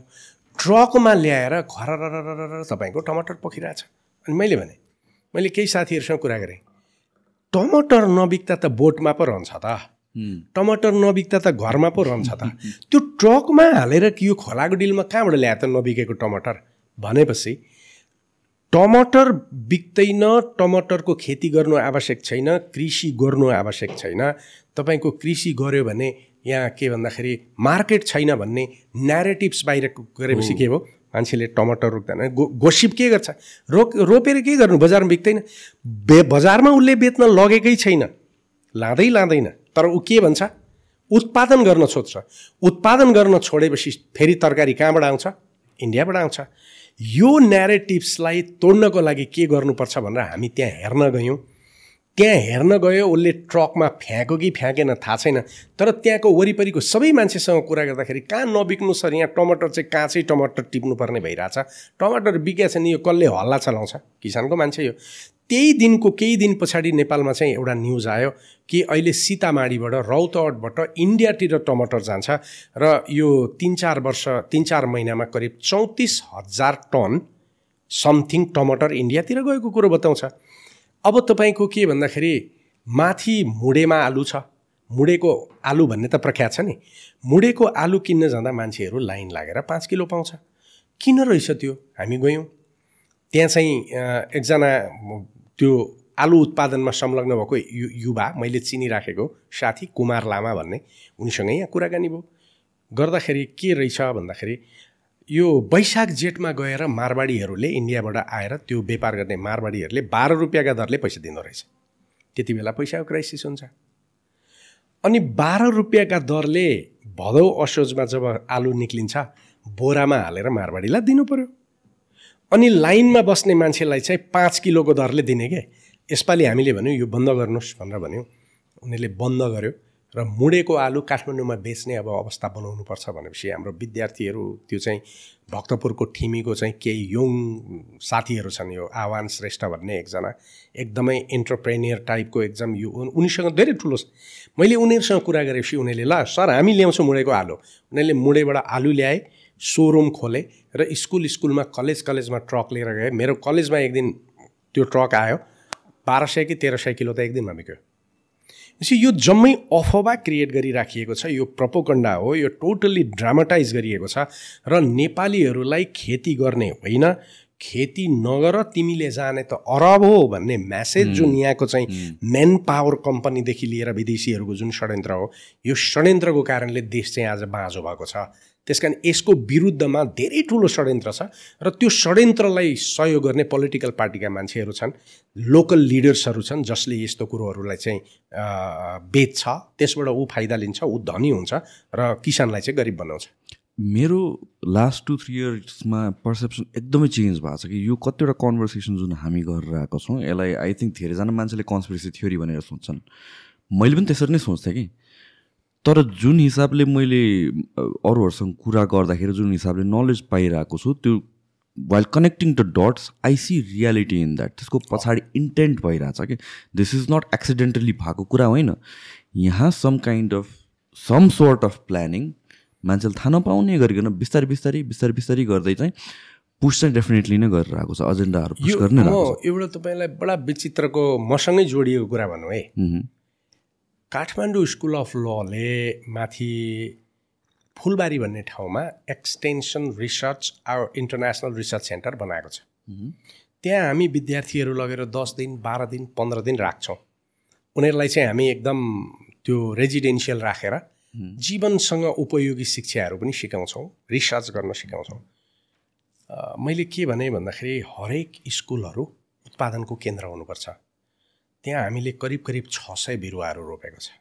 अहिले जस्तो बाइस बोट एभोकाडो फलेको छ। तपाईँको लोकल कुखुरा छ। लोकल कुखुराको चल्लाहरू छ। हामीले आफ्नै त्यो कुखुराको पोथीले चल्ला निकाल्छ। हामीसँग हाँस छ। सानो पोखरी छ। हाँस मात्रै हामीले यो वर्ष बेचेको बहत्तर हजारको हाँस बिकेछ कुखुरा मात्रै करिब करिब लोकल कुखुराको तिन लाख जतिको कुखुरा बिकेको छ। लास्ट इयर हामीले करिब करिब दुई लाखको एभोकाडो बेच्यौँ। यो वर्ष हामी करिब करिब आठ दस लाखको एभोकाडो बेच्छौँ। एउटा मिडियाले त्यो कुरो थाहा पाएपछि म माथि विद्यार्थीहरू पढाएर उहीँ बसेको बेला उहाँ गयो। मैले उसलाई राम्रोसँग देखाएँ लोकल कुखुरा पनि देखाएँ। म आफै कुखुराहरूलाई चारो हालेर त्यो उनीहरूसँग बस्ने भएको हुनाले मेरो बोली सुन्ने बित्तिकै कुखुराहरू कुदेर आउने कि खान दिन्छ भनेर। उचकित पऱ्यो केरा पनि पाकेको छ नसपाती पनि छ एभोकाडो छ हलुवा बेच छ जुनार छ जताततै। उसले राम्रो डकुमेन्ट्री बनायो यो तरिकाले कलेजहरूलाई उत्पादन केन्द्र बनाउन सकिन्छ। विद्यार्थीहरूले बडा शान्तिपूर्वक पढ्न पढ्ने वातावरण हुन्छ बगैँचाभित्र बसेर पढ्ने वातावरण हुन्छ त्यो भिडियो आएको करिब करिब एक महिना पछाडि मेरो कलेजभित्र मेरो विद्यार्थीहरूले त्यही कुरालाई कमेन्ट गर्न थाल्यो। र कलेजले चाहिँ फलफुल गर्ने कलेजको प्रोफेसरले चाहिँ कुखुरासँग खेल्ने पो भनेर भन्न थाल्यो। कस्तो दिमाग बिग्रिएको विद्यार्थी होला यो। यसले के सोच्या होला? पछि त्यो बाहिरबाट ल्याइएको नेरेटिभ्स रहेछ क्या हेर्नुहोस् जसले गर्छ नि अब जस्तो पोडकास्टमा अघि तपाईँले पनि भन्नुभयो मैले त तपाईँको रियल्ली भन्ने हो भने पोडकास्ट त तपाईँकैमा आएर पहिलोचोटि त्यहाँभन्दा अगाडि त मैले त गरेको थिएन नि त। तपाईँले पोडकास्ट गर्दा मैले फोटो खिच्ने हो भन्ने ठानिरहेको थिएँ। त्यसमा तपाईँको र मेरो टेलिफोन सम्झिनु भयो होला। यहीँ आएर खिचे हुँदैन र भने ओके?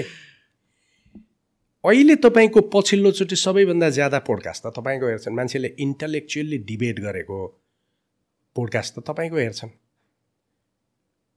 तपाईँले त क्रेडिट पाउनुपर्ने होला नि त। नेपालको इन्टलेक्चुअल्सहरू र लिडर्सहरू ल्याएर पनि डिबेट गरिरहेछ। तर बाहिरपट्टि तपाईँको बारेमा कमेन्ट के छ भन्दाखेरि सुशान्त प्रधानले पैसा कमाउनका लागि ठुल्ठुला मान्छे लगिरहेछ। मसँगै भने एउटाले पैसा कमिन्छ कि कमिँदैन यसबाट मलाई थाहा छैन। तर तपाईँले मलाई बोलाउँदाखेरि दिपक गेवालीलाई बोलाउँदाखेरि बाबुराम भट्टराईलाई बोलाउँदाखेरि झलनाथलाई बोलाउँदाखेरि पैसा गन्या त हुँदैन होला। तपाईँ हाम्रो भ्युज लानको लागि तपाईँको विरुद्धमा किन? तपाईँकै विरुद्धमा पनि एभ्रिथिङ कुनै व्यक्तिले नेपालमा गर्यो र उसले केही कुरो गर्ने बित्तिकै त्यसमा एट्याक हुन्छ। यो सेन्टर कहाँ छ? यो सेन्टर लोकेट गर्न म सकिरहेको छैन क्या। को गराउँछ? यस्तो धेरै सेन्टर छ वा काठमाडौँभित्र एउटा त्यस्तो सेन्टर छ जसले यसलाई खोजी खोजी गराउँछ। जुन दिनसम्म यो सेन्टर हामी पत्ता लगाउँदैनौँ नि।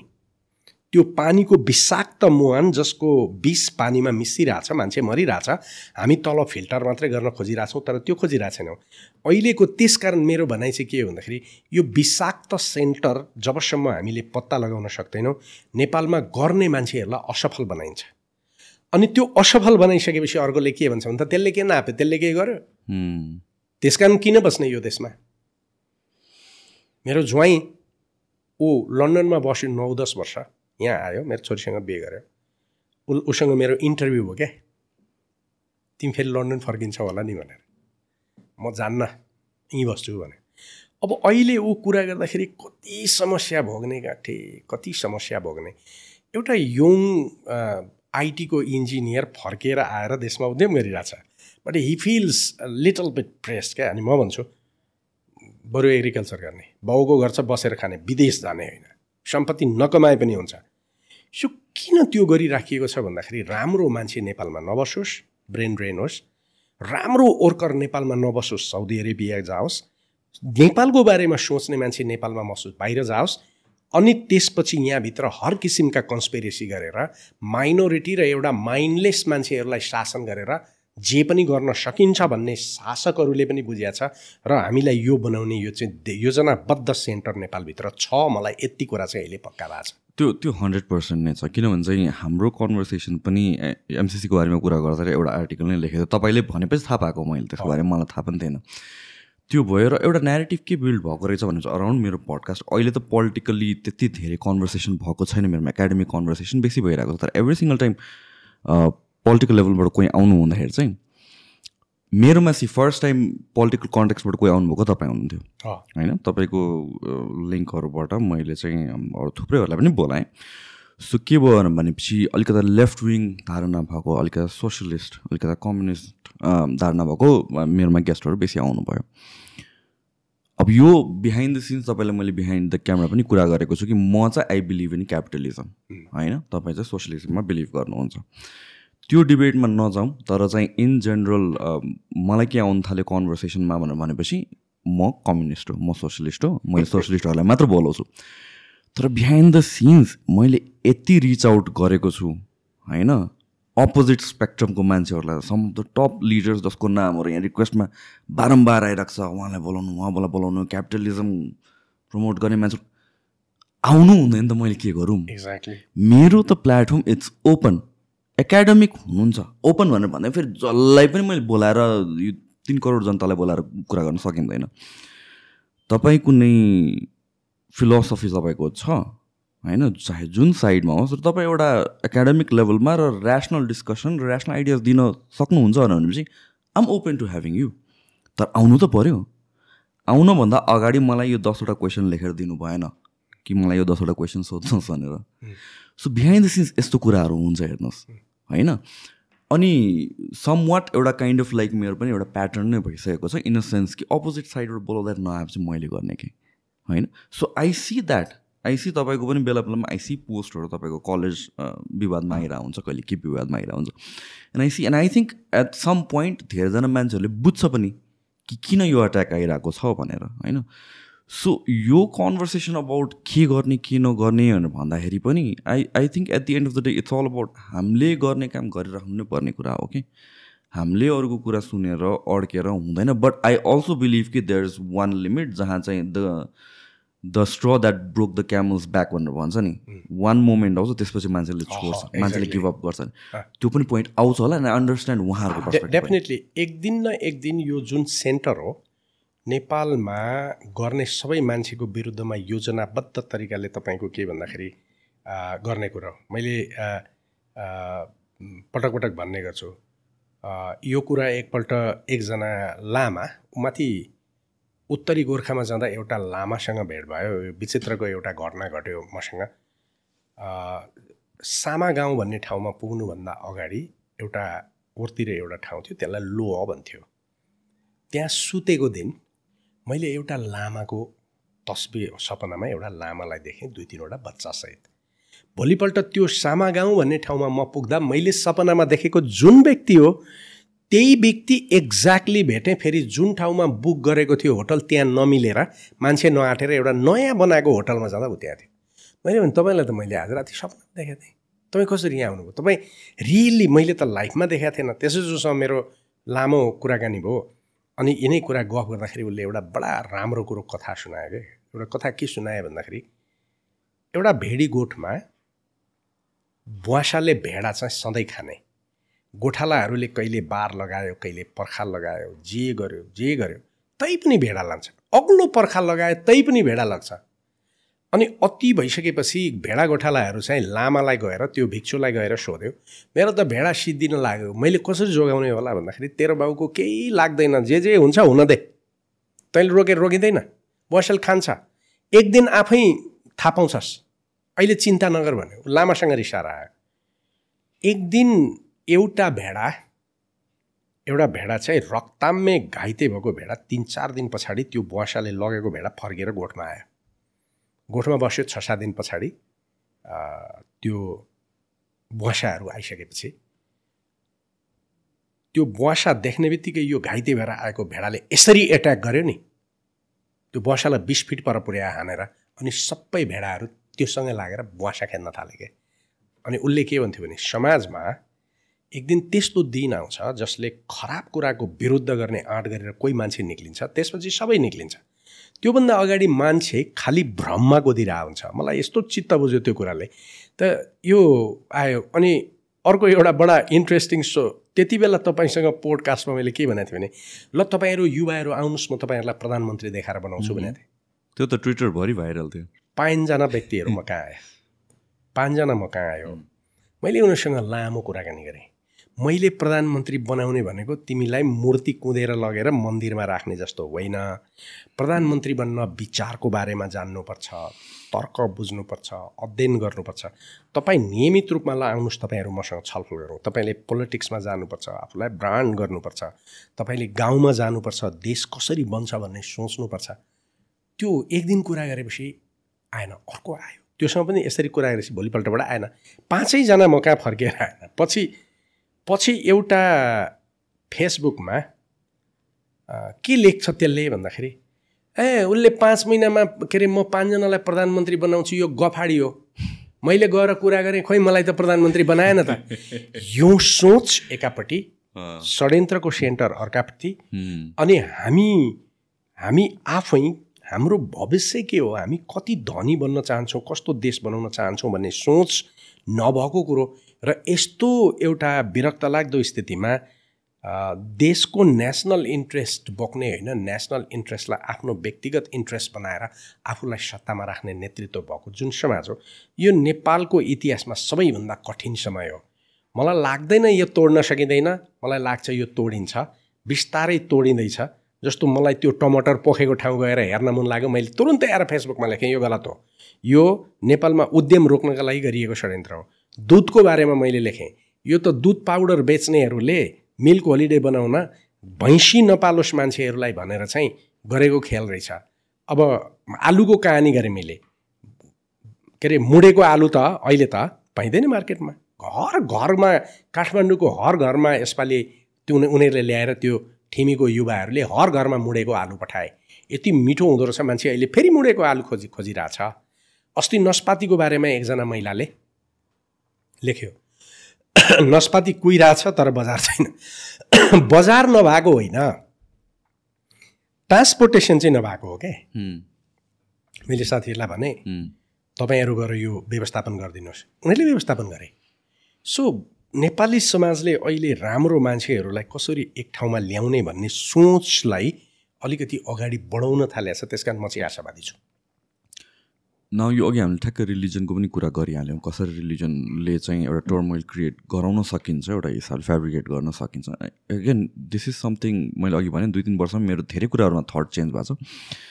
यो कुरामा पनि अल्दो इट्स सेन्सिटिभ मैले चाहिँ एउटा के हिसाबले अहिले हेरिरहेको छु भनेपछि रिलिजनले डिभाइड गर्नु हुँदैन भनेर भन्छ। ठिक छ द्याट्स फाइन तर that is an ideological thinking हो। इन अ सेन्स द्याट त्यो लेभलमा पुगिन्छ होला दस बिस तिस चालिस वर्षमा पुगिन्छ होला। तर अहिले कसरी अपरेट गर्छ? अहिले त हामीहरू त we are still divided by religion religion त छ नि इट्स अ भेरी इम्पोर्टेन्ट एउटा इन्स्टिट्युसन त हो नि। सो जुन यो दस बिस तिस चालिस वर्षमा हुने एउटा प्रोसेस छ त्यसलाई फास्ट गरिदिँदाखेरि के हुने रहेछ भनेपछि प्रब्लम क्रिएट हुने रहेछ क्या। वान अफ द त्यसको प्राइम इक्जाम्पल हामीले देखिरहेको भने चाहिँ युरोपमा हो। युरोपमा जे भइरहेको छ विथ रिफ्युजिजहरू आएर जुन फ्रान्समा फ्रान्स जलाएको देखिरहेको छ अरू सिट अरू कन्ट्रिजहरूमा जलाएको देखिरहेको छ हाम्रो देशमा पनि कहाँ कहाँ यो वार अफ रिलिजन या भन्छ सम काइन्ड अफ टसल चाहिँ धरानको इन्सिडेन्टबाट चाहिँ मलाई चाहिँ अलिकता ए यहाँ पनि त्यसको झल्को केही देखा हो कि? जस्तो लाग्न थाल्यो कि? यो सिचुएसनलाई चाहिँ कसरी हेर्ने? हामीले रिलिजन भन्ने चिजलाई इन्स्टिट्युसनलाई चाहिँ कसरी हेर्ने? In this twenty first century र ट्वेन्टी फर्स्ट सेन्चुरी टाइम मात्र भएर भएन कि हाम्रो ठाउँ हाम्रो देशमा चाहिँ के छ स्टेट? यो बडा इन्ट्रेस्टिङ कुरा मैले यो साउथ एसिया चाइना जियो इकोनोमिक्सको किताब लेख्दाखेरि एउटा बडा इन्ट्रेस्टिङ फ्याक्टमा मलाई बढी सोच्न बाध्य गराएर मैले लेखेँ यो संस्कृताइजेसन भन्ने क्या? कसरी नेपाली समाज संस्कृताइजेसन भयो भन्ने बारेमा वेस्टर्नर्सहरूको न्यारेटिभ्स यति धेरै र यति कन्टेम्सियस रहेछ। पछि काठमाडौँको अहिले मैले ठ्याक्क नाम बिर्सेँ पाटनको एकजना समथिङ सागर श्रेष्ठ उनी पुरातत्व विभागमा काम गर्ने युनिभर्सिटीको प्रोफेसर पनि उनको एउटा इन्टरभ्यू एउटा विदेशीको इन्टरभ्यू मैले हेरेँ। त्यो इन्टरभ्यूमा उनले के भनेको छ भन्दाखेरि हर्षवर्धनको पालामा त्यो यो शङ्कराचार्यहरू हिन्दू शङ्कराचार्यहरू र बुद्धिस्टहरूको बिचमा गया नालन्दामा विवाद सुरु भयो यिनीहरूको बिचमा निकै ठुलो तोडफोड भएपछि नालन्दामा गयामा यिनीहरूले चाहिँ अलिकति विस्फोटक स्थिति भएपछि थुप्रै बुद्धिस्टहरू काठमाडौँ आउन थालेछ त्यसै जब अकबर आयो पछि मुसलमानहरू आइसकेपछि त त्यहाँमाथि आक्रमण भयो भनेपछि अधिकांश राम्रो बुद्धिस्ट भिक्षुहरू जो विद्वानहरू थियो उनीहरू काठमाडौँमा आयो र काठमाडौँ सेन्टर भयो। र काठमाडौँमा आइसकेपछि चाहिँ बुद्धिस्ट ग्रन्थहरू सबै संस्कृतमा ट्रान्सलेट गरेर लेखिएछ जो अहिले फेला परेको छ। र संसारकै एउटा हेरिटेज चाहिँ क्रिएट भएको छ। उनले बडा राम्रो कुरो गरे त्यहाँनिर। मैले यसलाई किन जोड्न खोजेको भनेर भन्दाखेरि संस्कृत प्रब्लम होइन। संस्कृत त रिच ल्याङ्ग्वेज हो जसबाट हजारौँ भाषाहरू जन्मिएको छ। पहिलो एट्याक संस्कृताइजेसनमा किन भयो? किन संस्कृतमाथि एट्याक भयो? संस्कृतले त संस्कार बनाउने होइन नि त्यो त भाषा हो एउटा कुरा। हामीसँग छवटा सभ्यता छ।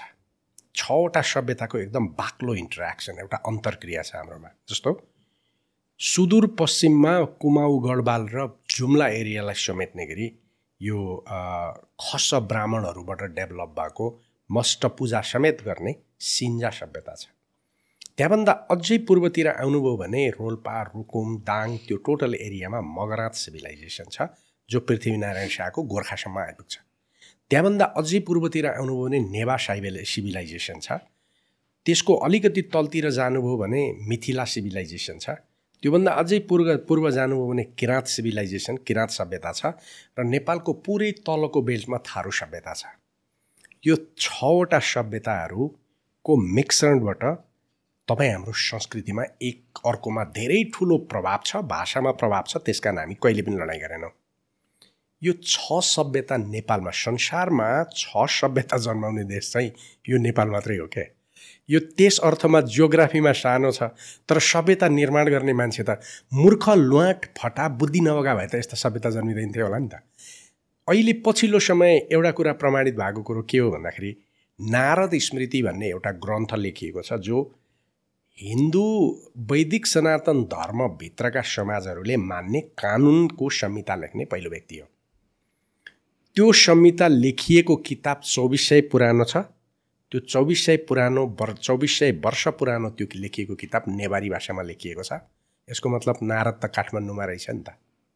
नारद त काठमाडौँ भ्यालीभित्रको रहेछ नि त। चौबिस सय वर्ष अगाडि पनि नेवारी भाषा त रहेछ नि त। यो कुरा त कन्फर्म भयो। उता तर्कशास्त्रको बारेमा यो दक्षिण एसियाको तर्कशास्त्री भनिएको सबैभन्दा प्रबल तर्कशास्त्री जसले न्याय दर्शन निर्माण गरेको छ त्यो तर्क बेगर हाम्रो ज्ञान अपुरो हुन्छ र त्यो यति धेरै मान्छेहरूले बुझ्ने र पढ्नुपर्ने कुरा हो त्यो बनाउने मान्छे चाहिँ अक्षयपदा गोतामा हो जनकपुरको रहेछ। अर्को तपाईँको उपनिषद लेख्ने र एउटा अत्यन्तै धेरै ठुलो दर्शनमा धेरै ठुलो दखल दिने व्यक्ति चाहिँ अर्को चाहिँ यज्ञबलके हो ऊ जलेश्वरको रहेछ र संसारमा अस्तित्ववादी दर्शन निर्माण गर्ने महिला दार्शनिक गार्गी चाहिँ रामनगरको रहेछ यो चार चारवटा दार्शनिक जन्मिएको र टोटल अहिलेको दक्षिण एसिया ज्ञानको भण्डार यो भएको चिज तपाईँ हामीले पो बुझिया छैन त। इन्डियनले बुझिया छ वेस्टर्नरले बुझिया छ। त्यसकारण तपाईँ हाम्रो बिचमा धर्मको लडाइँ बनायो भने यो दस सभ्यता मर्छ। त्यस कारण मैले सधैँ भन्दै आएको छु संस्कृति पूजापाठ भने आफ्नो आफ्नो जातिको इभन परिवारको हुन्छ। तपाईँको पाटनको एउटा टोलमा बस्ने मान्छेले पूजा गर्ने देउता र अर्को टोलमा बस्नेले पूजा गर्ने देउता फरक छ। बिहे गर्दा हुने संस्कार फरक छ। यो त संस्कृति तल आफ्नो हुन्छ। तर मूल रूपमा हाम्रो यो छवटा सभ्यता हो नि त यो छवटा सभ्यतालाई कदर गर्न हामीले जान्यौँ भने नेपाल डर हुन्छ। यही हुन नदिन संस्कृताइजेसनको मोमेन्ट क्रिएट गरिएको थियो। यही हुन दिनको लागि आज यो गरिएको छ।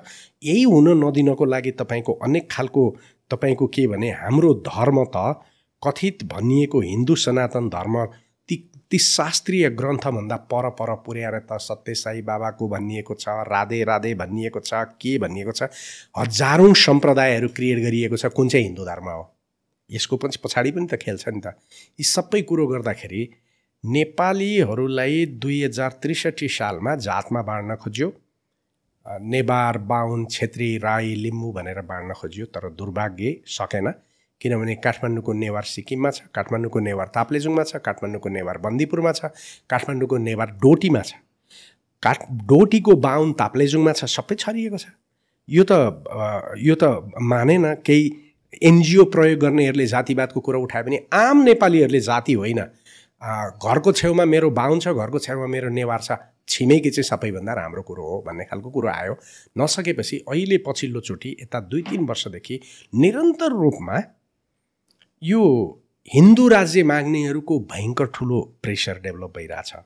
जति बढी उनीहरूले हिन्दू राज्य हिन्दू राज्य भनिरहेछ त्यसको काउन्टरमा माइनोरिटीहरू डराइरहेछ। र अल्पसङ्ख्यक थोरै सङ्ख्या भएको बुद्धिस्टहरू अरू जातको मान्छेहरू एग्राभेट भइरहेछ। अनि उनीहरूले इरिटेट गर्नको लागि कुनै त्यस्तो जस्तो भनौँ न धरानमा एउटा गाई काट्या जस्तो कुरो गरिरहेछ। यो कसले भिडाउन खोजिराखेको छ? जतापट्टिको होस् त्यो दुईवटा चाहिँ भिडाउन खोजिरहेछ मलाई कुनै शङ्का छैन। म वैदिक सनातन धर्मको अनुयायी हुँ।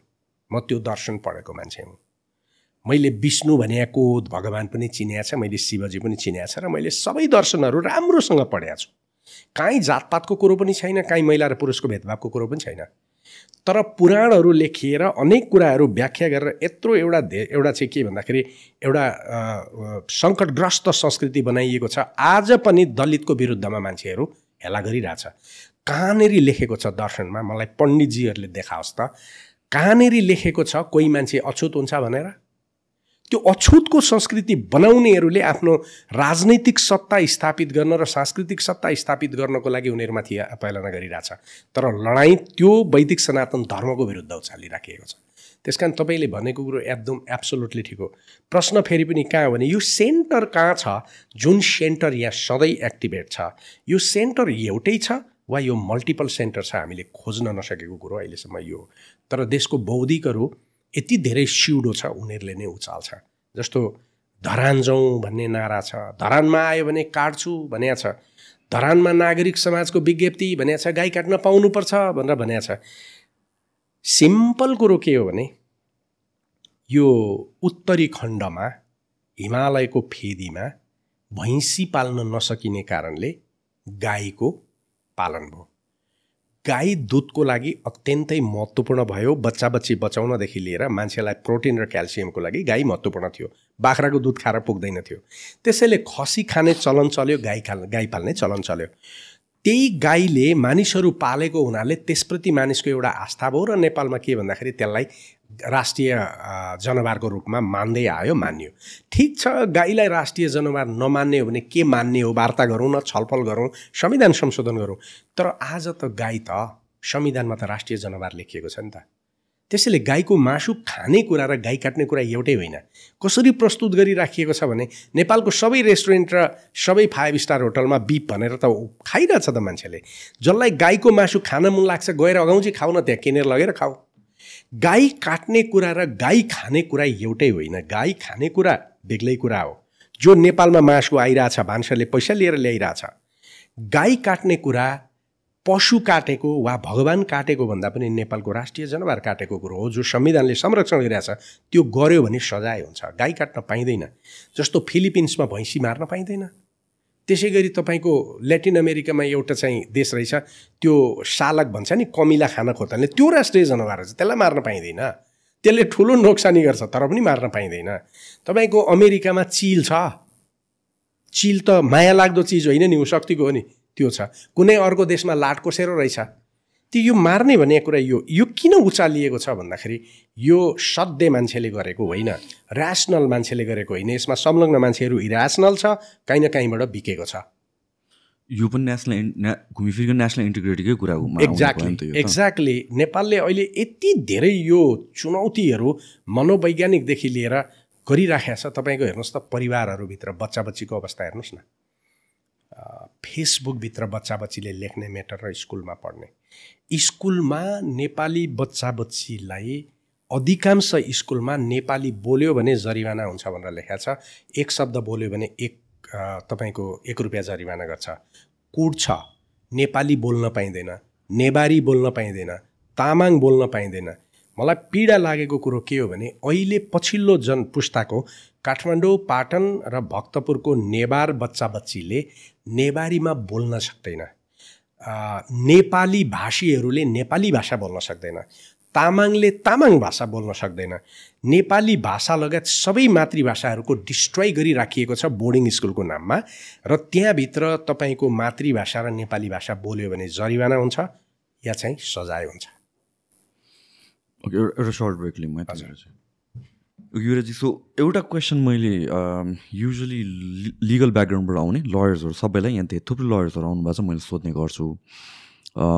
आई थिङ्क कोइन्सिडेन्टली हाम्रो चाहिँ त्यो कन्भर्सेसन भएको छैन कि when we are talking about यत्रो सबै सिरियस म्याटर्सहरू कति टाइम्समा चाहिँ हाम्रो पर्सनल सिक्योरिटीको कुरा पनि आउँछ कि? सो एज अ सिटिजन जस्तो कि अब अहिलेको प्रेजेन्ट डे एन्ड एजमा पहिला पहिलाको बेलामा के हुन्थ्यो भने चाहिँ रिलिजनले सोसाइटीलाई से सेन राख्थ्यो। सोसाइटीको नर्म्स एन्ड भ्याल्युजले सेन राख्थ्यो। अहिले एट दिस पोइन्ट भनेको I think modern day and एजमा चाहिँ कोर्ट नै हो सुप्रिम कोर्टले चाहिँ सोसाइटीलाई चाहिँ सबैजनालाई चाहिँ एउटा लेभलमा एउटा कन्ट्रोलमा राख्छ। यो कुरा गर्दाखेरि चाहिँ एकजना पर्सनको सिटिजनको राइटको प्रोटेक्सनको कुरा आउँछ क्या। At this point one I talk to most युथहरू दे आर नट कन्भिन्स्ड कि हामीहरूको राइट एउटा सिटिजनको राइट प्रोटेक्टेड छ भनेर। कोर्टमाथि पनि कतिवटा कुरामा चाहिँ आशंका आउँछ कतिवटा कुराहरू क्वेसनमा आइरहेको हुन्छ र जब यो लिगल इन्स्टिट्युसन सेकी हुन थाल्छ सोसाइटी फङ्सन राम्ररी गर्दैन डिसफङ्सनल हुन थाल्छ। सो यो सबै कुराहरू गरेर राख्दाखेरि when we are voicing out our opinions हामी एज अ सिटिजन हाम्रो राइट कतिको प्रोटेक्टेड छ? यो क्वेसन मैले जो लयरसँग पनि कुरा गर्दाखेरि on theoretical level yes it's protected भन्नुहुन्छ। तर प्र्याक्टिकल लेभलमा म एज अ सिटिजन सेफ छु यो कन्ट्रीमा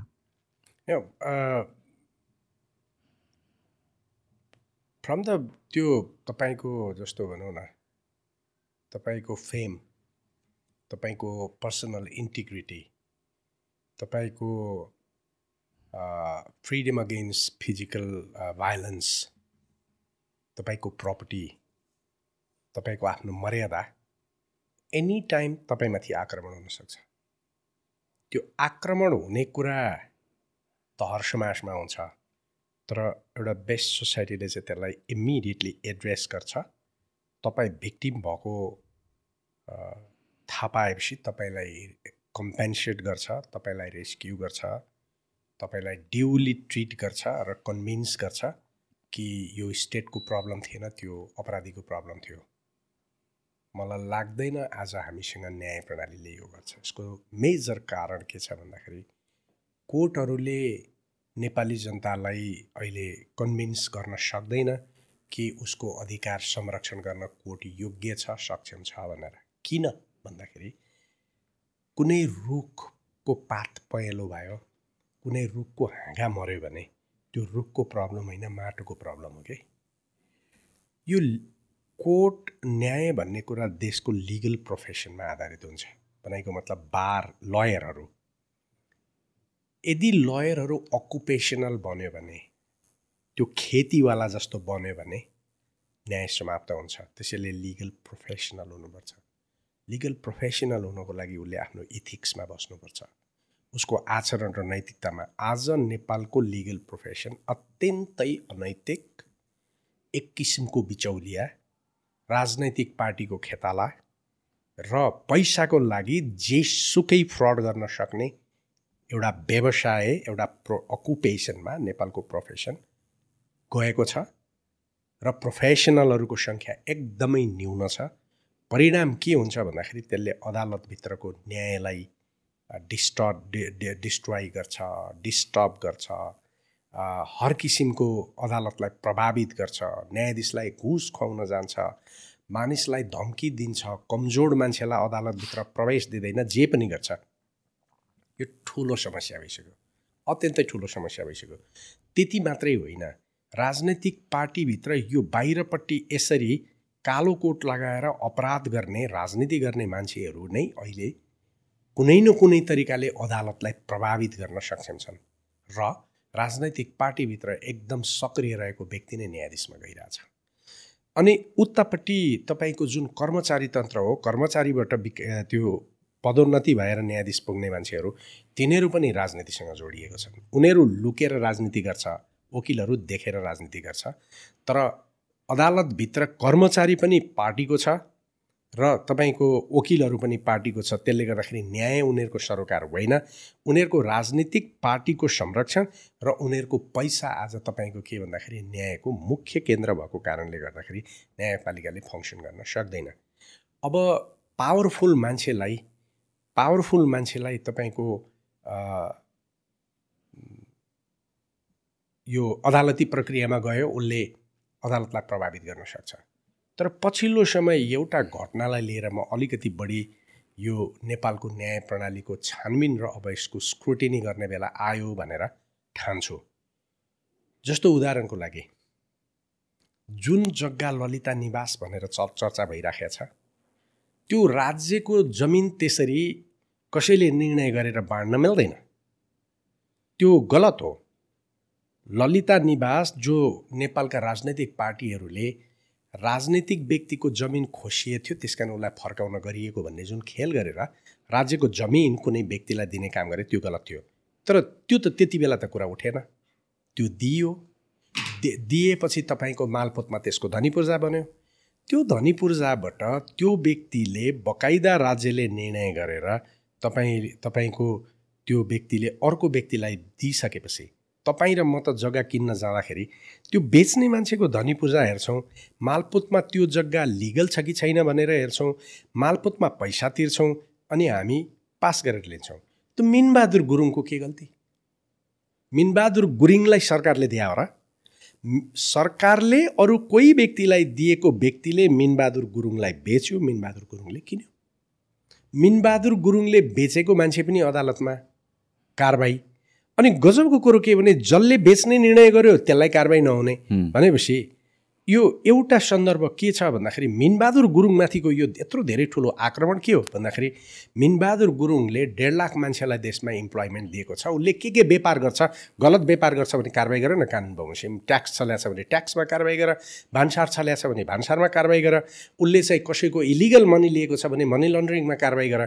तर उसले देशभरि एउटा नेटवर्क खोल्यो पहिलो नेपाली हो जसले भाटबटेनी एउटा डिपार्टमेन्टल सुपर मार्केटको एउटा कन्सेप्ट ल्यायो। मानिसहरूलाई सुपर मार्केटमा जाने एउटा कल्चर डेभलप गर्यो र तोकिएको दाममा किन्ने तोकिएको दाममा लाने र जान्नेले थोर जान्नेले के अरे नजान्ने मान्छेले महँगो जान्ने मान्छेले सस्तो किन्ने स्थिति त भएन। त्यो त्यो कल्चर डेभलप गरेको त्यो मान्छेलाई थुन्नुपर्ने कारण के? उसले जग्गा किनेको कारणले। या त भन्नु पऱ्यो नि मिनबहादुर गुरुङ सरकारी जग्गा बेचेर सरकारी जग्गा बेचेर अरूलाई दिने कुरामा षड्यन्त्रमा सरकारसँग निर्णय गर्ने कुरामा संलग्न थियो भनेर भन्नु पऱ्यो भनेपछि नेपालको एउटा देशभक्त उद्यमीलाई समाप्त गर्न यहाँ कारवाही भइराखेको छ। यो कुरो कोही पनि बोल्दैन। मैले एक दिन फेसबुकमा लेखेँ केही मान्छेले मलाई गाली गर्यो। गाली गरे पनि अन्यायमा बोल्नुपर्छ। उसले मिनबहादुर मिनबहादुर गुरुङले ट्याक्स चल्या हुनसक्छ मनी लन्डरिङ गरे हुनसक्छ धेरै कुरा गरे हुनसक्छ ब्ल्याक स्मग्लिङ पनि गरे हुनसक्छ त्यो त जाँच्ने कुरा हो। तर त्यहाँ कारवाही गर न उसले जग्गा किनेको आधारमा देशको उद्योगपतिलाई तपाईँको त्यो गर्न मिल्छ? तपाईँको अलिबाबा चलाउने ज्याकमालाई अपराध गर्यो भनेर दोष लगाए पनि चिनिया गभर्मेन्टले लगेर थुनेन उसलाई बाहिर बाहिर जान दिइरहेछ। तर चिनिया गभर्मेन्टले पटक पटक के भन्यो भने तेरो यो ठाउँमा इलिगल व्यापार भइरहेछ। उसलाई कन्डेम त गरिरहेछ ओके? तपाईँको अडानी इन्डियाको त्यत्रो आरोप लागेको छ। उसलाई लगेर थुनिया छ। देशका उद्योगपतिहरूलाई थुनिदिने हो भने नेपालको उद्योगमा त विदेशीहरू आउने हो नि एक। एउटा कुरा। मैले यो एक्जाम्पल दिएँ है। सुरक्षित छ त मान्छे छैन। बडा बडा एउटा चाहिँ पीडादायक कुरा अस्ति उसले मिनबहादुर राय माझीले एउटा मिनबहादुर गुरुङले एउटा फेसबुकमा लेखेको देखेँ। राज्य लागेपछि नसकिँदो रहेछ। राज्यले षड्यन्त्र गर्न लागेपछि को बच्छ भन्नुहोस् त? तपाईँ हामी बच्छौँ। कसैलाई सिद्ध्याउन लाग्यो भने। त्यसकारण यस अर्थमा देशको न्याय प्रणालीले नागरिक सुरक्षा गर्न सकेको छैन एक दुई। अर्कोतिर अर्कोतिर तपाईँको जो इमान्दार राजनीति गर्ने मान्छे हो जसले देशमा नैतिकताको राजनीति गरेका छ उसकै विरुद्धमा रिगिङ गरेर भोटहरू चाहिँ रिगिङ गरेर उसलाई हराएको छ उसले न्याय पाएको छ र छैन? त्यहाँ पनि समस्या छ। अर्को कुरो कैयौँ मानिसहरू पीडित छ। कैयौँ मानिसहरू पीडित छ। त्यो पीडितहरू अदालतमा पुग्दाखेरि दस वर्ष मुद्दा छिनिएको छैन। म तपाईँलाई पीडादायक कुरा भन्छु एउटा। तपाईँले सुन्नुभएको छ नि यो बाङ्लादेशबाट बाइसजना एमबिबिएसहरू चढेर आएको बाङ्लादेश युएस बाङ्लादेश प्लेन एयरपोर्टमा खस्यो। तिनजना कि चारजना बाँच्यो जम्मै पढ्यो मऱ्यो। त्यो परिवारले पाँच करोड चार करोड दस करोडका दरले लोन लिएर बङ्गलादेश पढ्न पठाएको छ। देशले आफ्नो लगानी गरेर पढाएका बाइस बाइसजना डाक्टरहरू एयरपोर्टमा मरेको छ। त्यसका बाबुआमाहरूको मुद्दा छ क्षतिपूर्तिको लागि। कति वर्ष भयो? मलाई लाग्छ करिब करिब दस वर्ष भइसक्यो। उनीहरूले त्यो क्षतिपूर्ति पाएको छैन। अदालतमा मुद्दा चढ्दैन। चढिहाल्यो भने रोकिन्छ। तपाईँको इन्सुरेन्स कम्पनी त्यो विमान कम्पनीका भयङ्कर ठुल्ठुला लयरहरू छन्। उनी यता यसको तर्फबाट लड्ने मान्छे यो गरिबहरूको तर्फबाट लड्ने मान्छे कोही पनि छैन। न्यायाधीशका लागि त्यो बाइसजना डक्टर मरेको कुरा र त्यो डक्टरहरू पढाउन लोन गरेर त्यहाँ पैसा लिएर गएको छोराछोरी पनि मरेको अनि त्यो लोन पनि लागेको यो कत्रो एउटा हृदय विदारक कुरा हो भन्ने कुरा न्यायाधीशहरू र कोर्टले महसुस गरेको देख्दिनँ। अनि कहाँबाट भन्ने नेपाली सोझा सारा जिन जनताहरू तपाईँको सुरक्षित छ भनेर भन्ने। अर्कोतिर तपाईँको सामाजिक न्यायको कुनै पनि कन्सेप्टै छैन कुनै अवधारणा छैन। मानिसको हित सार्वजनिक हितको लागि कुनै एउटा व्यक्तिले गलत गरेको छ भने त्यसलाई कारवाही गर्न मिल्छ भन्ने खालको नोसन छैन। एउटा व्यक्ति जोगाउनका लागि अदालतले हजारौँ मानिसलाई नोक्सानी पुग्ने गरी आदेशहरू गरिराखेका हुन्छ। अर्थात् हाम्रो देशमा न्यायको जुरुसपुडेन्स छैन न्यायको कानुन शास्त्र छैन र कानुन व्यवसाय अकुपेसन वा खेतीमा परिणत भएको छ व्यवसायको रूपमा रहेको छैन र गरिबहरू अदालतभित्र पस्न सक्दैन न्याय महँगो भएको छ वकिल महँगो छ न्यायाधीशहरूमा पीडितहरूप्रति भावनाको एकदमै कमजोर अवस्था छ र मैले त भन्ने गरेका छु मलाई कसैले मार्यो? म पीडित हुन्छु मेरो नाम गायब हुन्छ। अनि सरकार सरकार हुन्छ अनि त्यो जो थुनामा मान्छे जान्छ त्यसलाई चाहिँ विपक्ष भनिन्छ। मान्छेको नाम र आइडेन्टिटी समाप्त गरेर पक्ष र विपक्षको बारेमा न्याय गर्छ नेपालको अदालतले। त्यो त अमूर्तकरण गरेपछि फलानु मान्छेले फलानुलाई मान्छेको मारेको कुरा भन्यो भने पो त्यो अब्जेक्टिभ फ्याक्ट चाहिँ अदालतमा प्रष्ट आएर न्याय र अन्यायको कुरा होला। जब त्यसलाई अमूर्तकरण गरिदिनुहुन्छ अमूर्तकरण गरिसकेपछि त मान्छेको अनुभव त मान्छेको अनुभूति मान्छेको इमोसन त रहँदैन नि त्यहाँ। त्यसकारण मलाई लाग्दैन नेपालको न्यायपालिकाले यो गरिराखेको छ। अर्थात् मैले यो तपाईँको मञ्चबाट के भन्नुपर्छ भने जोगिनुहोस्। जोगिनुहोस् कुनै पनि तरिकाले गलत नचिनेको मान्छेसँग काम कारवाही नगर्नुहोस् अनावश्यक लोन लेनदेन नगर्नुहोस् कसैसँग सरसापट्टि नगर्नुहोस् बिना काममा मान्छेलाई चाहिँ तपाईँ यो सम्पर्कमा नरहनुहोस् खास गरी फेसबुकमा र कम्प्युटरमा आउने ठाउँमा यो खातामा यति पैसा हाल्यो भने यो फाइदा हुन्छ भनेर नहाल्नुहोस्। साइबरमा पर्नुहुन्छ कैयौँ निर्दोष मान्छेहरू त्यसरी फँसिया छन्। तर त्यो राज्यले साइबर कन्ट्रोल पनि गर्दैन त्यो अपराधी पनि गर्दैन। कसैले उजुरी हाल्यो भने त्यो मान्छे निर्दोष थियो कि थिएन परिबन्धमा पर्यो कि परेन पनि हेर्दैन। तपाईँको के भन्दाखेरि अझ डरलाग्दो कुरा त के भन्दाखेरि कसैले कुनै झुटो आरोप लगाइदियो। पहिला तपाईँलाई थुन्छ एक महिना थुन्छ अनि त्यसपछि जस्तो उदाहरणको लागि अस्ति पाँचजना डक्टरहरू लग्यो। त्यहाँ एकजना डक्टर त सधैँ रहेछ नि। त्यसको मान र मर्यादा कसले जवाबदेही लिने त्यसलाई राज्यले कति करोड क्षतिपूर्ति तिर्ने हो? भनेपछि कहाँ छ? मलाई डर लाग्छ यदि मलाई नै मुद्दा पऱ्यो भने फसायो भने मलाई नि कसैले फसाउन सक्छ तपाईँलाई पनि सक्छ। त्यसैले तपाईँहरूसँग कहिले कहिले त बोल्दा पनि डर लाग्छ। मलाई नि लगेर हाल्ने हो कि भनेर। छैन। यो कुरोमा म बिल्कुल एकदम प्रष्ट छु तर यसलाई बदल्नुपर्छ त्यसको विरुद्धमा हामी बोलिरहेछौँ। हामी जबरजस्त यसको विरुद्धमा बोलेका छौँ र एउटा आन्दोलनै निर्माण गर्नुपर्छ भन्ने विचारमा हामी छौँ र केही कानुन व्यवसायहरू हामी व्यापक सल्लाह पनि गरिरहेछौँ यसको बारेमा। यो यो टपिकमा मैले सेभरल सेभरल सेभरल लयरसँग कुरा गरिसकेँ। हेर्नुहोस् सबैले भन्ने कुरा चाहिँ होइन। Legal system is like untouchable ठिक छ सिटिजनले राइट पाउँछ तर म कन्भिन्स छुइनँ कहिले पनि कन्भिन्स भएन। र मलाई लाग्दैन यो भिडियो हेर्ने कोही पनि कन्भिन्स छ भनेर। त्यसैले त यो सोसियल मिडिया जस्टिस भइरहेछ। एनी एनी कुरा मुद्दामा आउने बित्तिकै कोर्टभन्दा अगाडि मान्छेहरू किन बोलिरहेछ? कोर्टको डिसिजनभन्दा अगाडि। किनभने मान्छेलाई विश्वास छैन कोर्टले फेरि त्यो सल्युसनमा आउँछ भनेर फेयर जजमेन्ट गर्छ भनेर। सो त्यसैले सबै जन जनताहरू उफ्रिरहेको छ।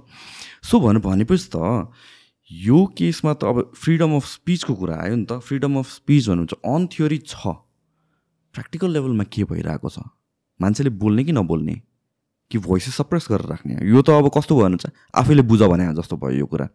होइन? फ्रिडम अफ स्पिच छ तर आफैले बुझेर त्यसलाई एक्सर्साइज गर भने जस्तो भयो।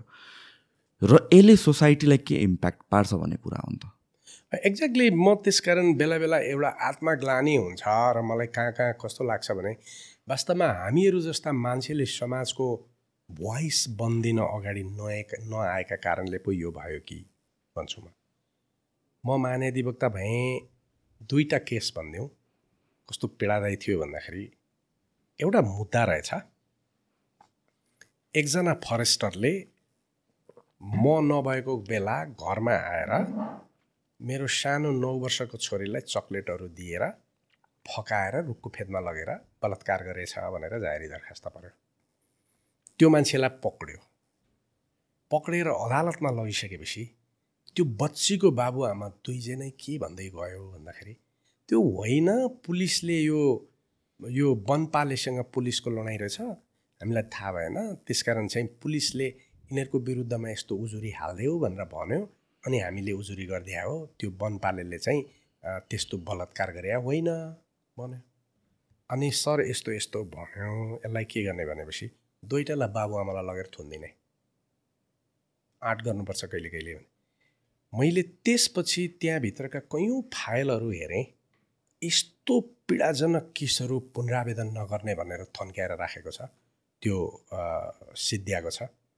तपाईँको त्यसपछि मैले निकालेर खुइ खुइ निकाल्दै चार पेज पाँच पेजका दरले पुनरावेदन गर्नु यसलाई समात्नु भन्दै आदेश करिब पाँच सयवटा फाइलमा त्यस्तो लेखेँ।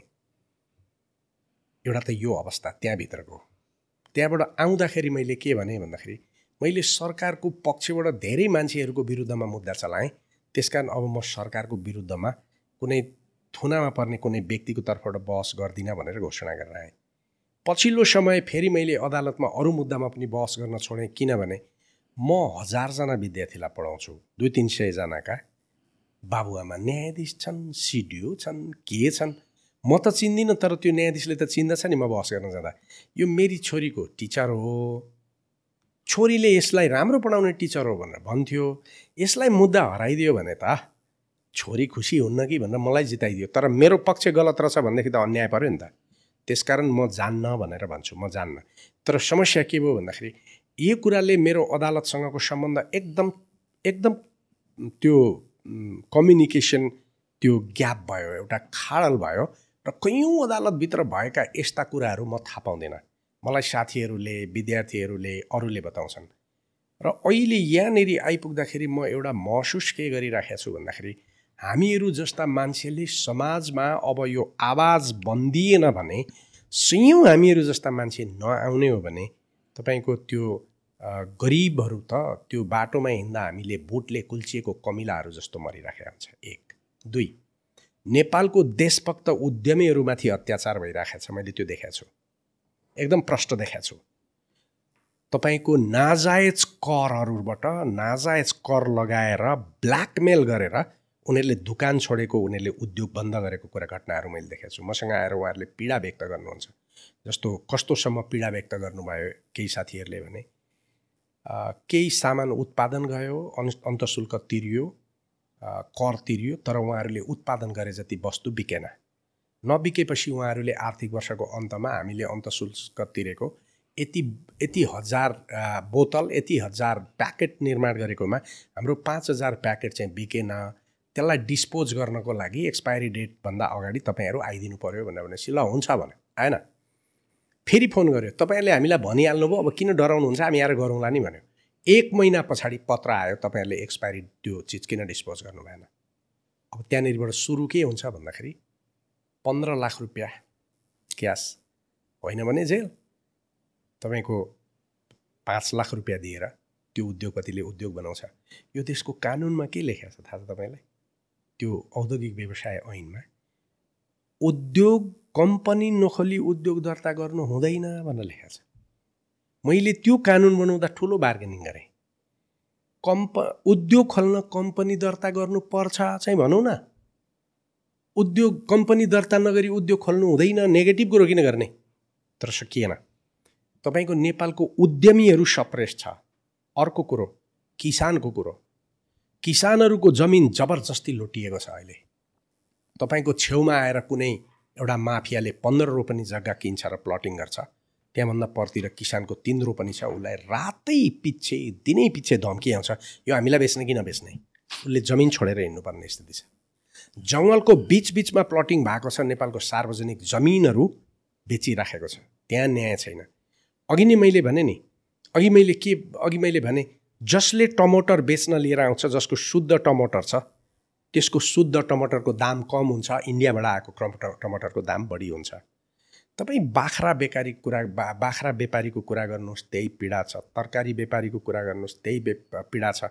यो जुन कानुनले मानिसलाई संरक्षण गर्नुपर्ने हो त्यो कानुनले गर्न सकेका छैन। त्यसैले भनिएको के हो भन्दाखेरि जब राज्यले काम गर्न सक्दैन त्यति बेला अदालतले नागरिकलाई प्रोटेक्ट गर्ने हो। हिजो हाम्रो हाम्रो समाजमा हाम्रै देशमा एउटा न्यायाधीश थियो हरिप्रसाद प्रधान। उनले के भन्यो अदालतमा भनेर भन्दाखेरि राज्य भनेको चिल हो।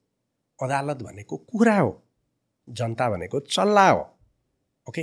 जब चिलले चल्ला लान खोज्छ कुराले के गर्छ? आफ्नो पखेटा मुनि हालेर संरक्षण गर्छ। त्यो हो नि त अदालत। त्यो अदालत आज म विश्वास गर्छु मलाई विश्वास छैन। र अहिले आएको नयाँ प्रधान न्यायाधीशलाई आजै अनुरोध के गर्न चाहन्छु भन्दाखेरि तपाईँले राम्रो मान्छे हुनुहुन्छ। तपाईँ मभन्दा सिनियर हो पढाइमा। अदालतलाई रिभ्याम गरिदिनुहोस्। मैले पहिला पनि भने योभन्दा अगाडिका प्रधान न्यायाधीशहरूलाई पनि भनेका थिएँ हाई कोर्ट जो पाटनमा छ त्यसमा देशका पुराना राम्रा निर्भीक नगनाएका न्यायाधीशहरू ल्याएर राखिदिनुहोस् बिसजना। ताकि सर्वोच्च अदालत जत्तिकै इफेक्टिभ काम त्यो हाइकोर्टले गरोस् र सर्वोच्च अदालतमा आउने अधिकांश रिटहरू त्यहाँ हाइकोर्टमा गएर निर्णय होस् ताकि लोड नहोस् सर्वोच्च अदालतले एउटा त त्यो छानिदिनुहोस् पदमा बसेका राजनैतिक पार्टीका समर्थन भएका व्यक्तिलाई न्यायाधीशमा नियुक्ति नगर्नुहोस्। चाहे त्यो त्यो जागिरबाट आउने हो त्यो भ्रष्ट छ कि छैन जाँच्नुहोस् र राजनीतिक पार्टीबाट जाने मान्छे राजनीति गर्छ कि गर्दैन त्यो जाँच्नुहोस्। चाहे बाहिरको वकिल होस् चाहे भित्रको कर्मचारी होस् जो मान्छेमा एउटा नैतिकता छ त्यसलाई लानुहोस्। अदालत खुल्ला गरिदिनुहोस्। गरिबले गएर कराउने मञ्च बनाइदिनुहोस् अदालतभित्र। तपाईँले चाहिँ चारजना मान्छे वकिलहरू राख्न सक्नुहुन्छ अदालतमा। गरिबले गएर बोलोस् न त्यहाँ। मलाई यो मान्छेले यसो गर्यो। त्यो कुरो गर्नुहोस्। र तपाईँले पुलिसले अत्याचार गरिरहेछ भने राति पनि गएर पुलिसको कस्टडी तपाईँले जाँच्न सक्ने अधिकार छ जाँच्नुहोस्। जेलभित्र मान्छेलाई अत्याचार भएको छ भने अदालतलाई अधिकार छ गएर हेर्ने त्यो हेर्नुहोस्। एकपल्ट जुडिसियरीलाई इफेक्टिभ बनाइदिनु भयो भने देशभित्र नागरिकहरू राज्यप्रति विश्वस्त हुन्छ। राज्यप्रति विश्वस्त भयो भने उनीहरूले गलत गर्ने राजनीतिक पार्टीको विरुद्ध त आफै लड्छ नि त। तर आज यो कुरो भन्न चाहिँ के भन्दाखेरि बडा पीडा हुन्छ। म यही व्यवसायभित्र बसेको एउटा महान्याधिवक्ता भइसकेको मान्छे हो। तर अदालतमा पुगेपछि के हुन्छ भन्ने कुरो मलाई थाहा छैन। पछिल्लो दिन मैले हेरेका अहिले चलिराखेका केही मुद्दाहरू छन्। एउटा महिलाको मुद्दा मैले त्यो सबै पीडा हेरेँ। मान्छे बहुलाएको छ। पाटन अस्पतालमा लगेर राखेको थियो। त्यो पीडा हेर्दा चकित परेँ। त्यहाँ सरकारी वकिलले गरेको फटाइ त्यहाँ पुलिसले गरेको फटाइ त्यहाँ वनको वनपालेले गरेको फटाइ हेर्दा बडा चित्त दुख्दो स्थिति थियो। अर्को एउटा त्यस्तै मुद्दा हेरेँ। एकचोटि होइन पचासचोटि तपाईँको बलात्कार गरिएको छ। तपाईँको चाहिँ त्यो त्यो महिला ल्याएर बाहिर बोल्न सक्ने स्थिति छैन। उसका नातेदारहरू संलग्न छन्। एउटा विधवामाथि भएको अत्याचार हेरेँ। एउटा गरिबको जमिन कसरी लुट्यो त्यो जम्मै हेरेँ। तर उहाँहरूले न्याय पाउन सक्ने सम्भावना छैन। अब म सबै उनीहरूको लिएर हिँडेर पनि साध्य हुँदैन कतिवटाको गर्ने होला? यो पीडाजनक स्थिति छ त्यसै न्यायपालिकाको स्थिति त अहिले बिजोग छ। त्यही कारण त्यो फेसबुकमा तपाईँले भनेको कुरा थियो. फेसबुकमा व्यक्त हुन्छ पत्रिकामा व्यक्त हुन्छ मान्छेले बाटामा कराउँछ। त्यस कारण उहाँ प्रधान न्यायाधीश अहिले हाम्रो विशम्बर श्रीमान प्रधान न्यायाधीश हुनुभएको छ। यसलाई हेरिदिनुहोस् तपाईँ। तपाईँको अदालतभित्र भ्रष्टाचार छ यो कुरो मानिदिनुहोस्। तपाईँकै न्यायाधीशले हिजो भ्रष्टाचार छ भनेर लेखेको छ। बिचौलिया वकिलहरूलाई तपाईँमाथि प्रभावित हुन नदिनुहोस्। बार जो राजनीतिबाट नियुक्त भएको छ त्यो बारको प्रभावमा नआउनुहोस्। प्राज्ञिक कानुन व्यवसायहरू हामीहरू जस्तो वकालतमा नआएको मान्छेहरूलाई बोलाएर सोध्नुहोस्। हामी तपाईँलाई रियालिटी बताउँछौँ किनभने हाम्रो स्वार्थ छैन। तर जो बारमा नेता छ उही अदालतमा बहस पनि गर्छ। उही न्यायाधीश नियुक्त गर्ने न्याय परिषदमा सदस्य पनि नियुक्त गर्छ। अनि त्यो बारले नियुक्त गरेको त्यो न्याय परिषदको सदस्यले बारको विरुद्धमा केही गर्न सक्ला?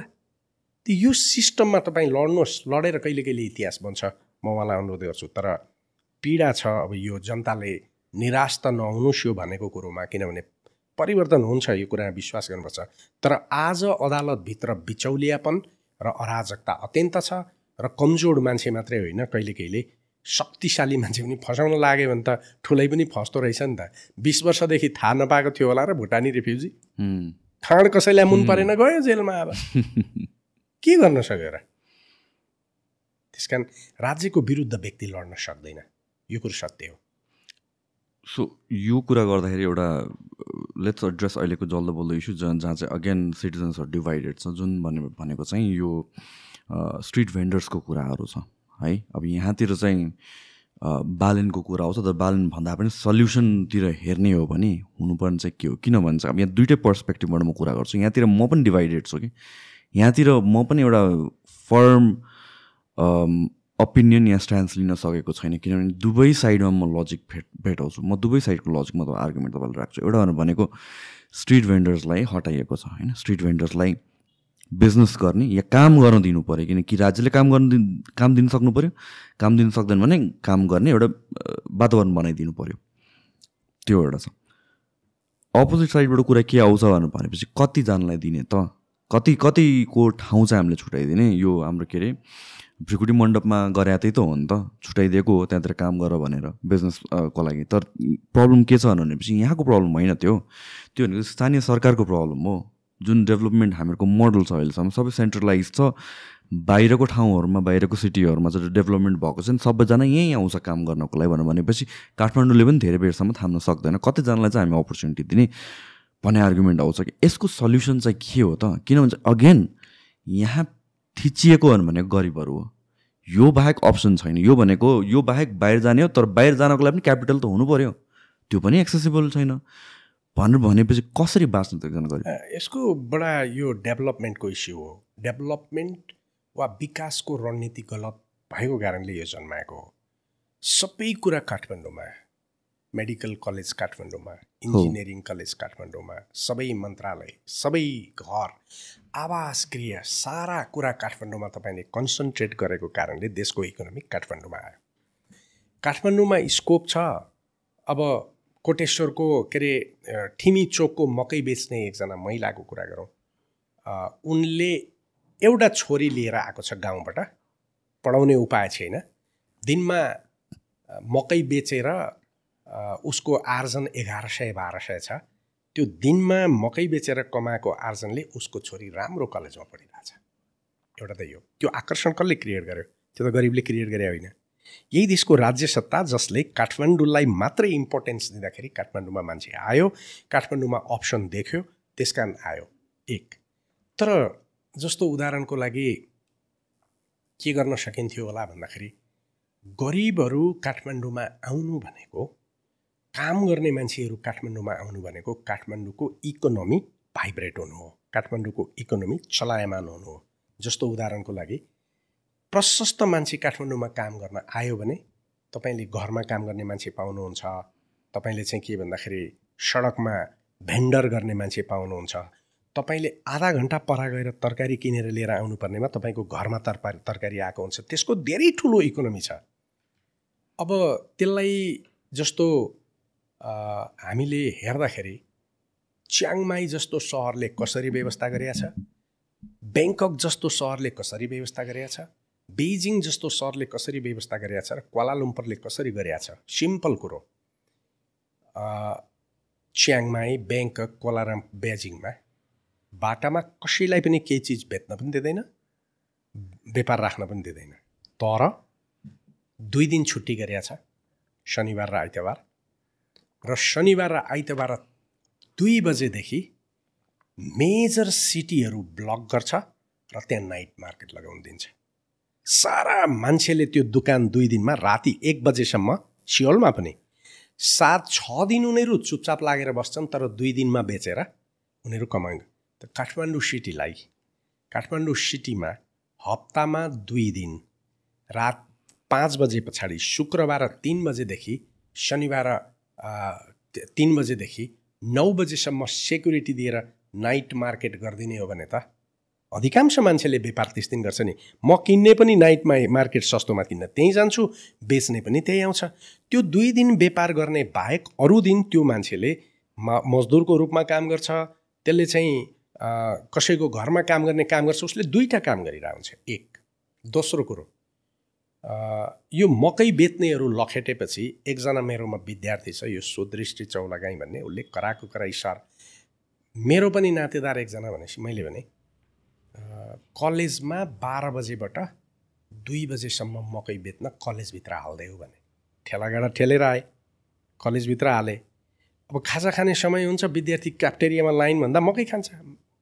अनि मकै चाहिँ एक सय पच्चिस घोगा एक सय पचास घोगा मकै बेचेको देखियो। काठमाडौँ भेलीभित्र नगरपालिकाले अनुरोध गरेर तपाईँहरू दुई घन्टा तपाईँहरूको टिफिन टाउनमा सबै यो यो मकै बेच्ने यो काँक्रा बेच्नेहरूलाई तपाईँहरूको कलेजभित्र बेच्न अनुरोध गरिदिएको भए क्याम्पस चिपहरूलाई बोलाएर अनुरोध गरेको भए इन्सपायर गरेको भए ती सबै त्यहाँ गएर त्यो एउटा उपाय त्यो हुनसक्थ्यो अर्को उपाय के हुन सक्थ्यो भनेर भन्दाखेरि काठमाडौँ काठमाडौँ नगरपालिकाले पहिलो कुरो त गरिबहरू हटाएर सहर बनाउन खोज्या हो कि गरिबहरूलाई धनी बनाएर गरिबहरूलाई धनी बनाएर सहर बनाउन खोजेको पोलिसीगत कुरा हो।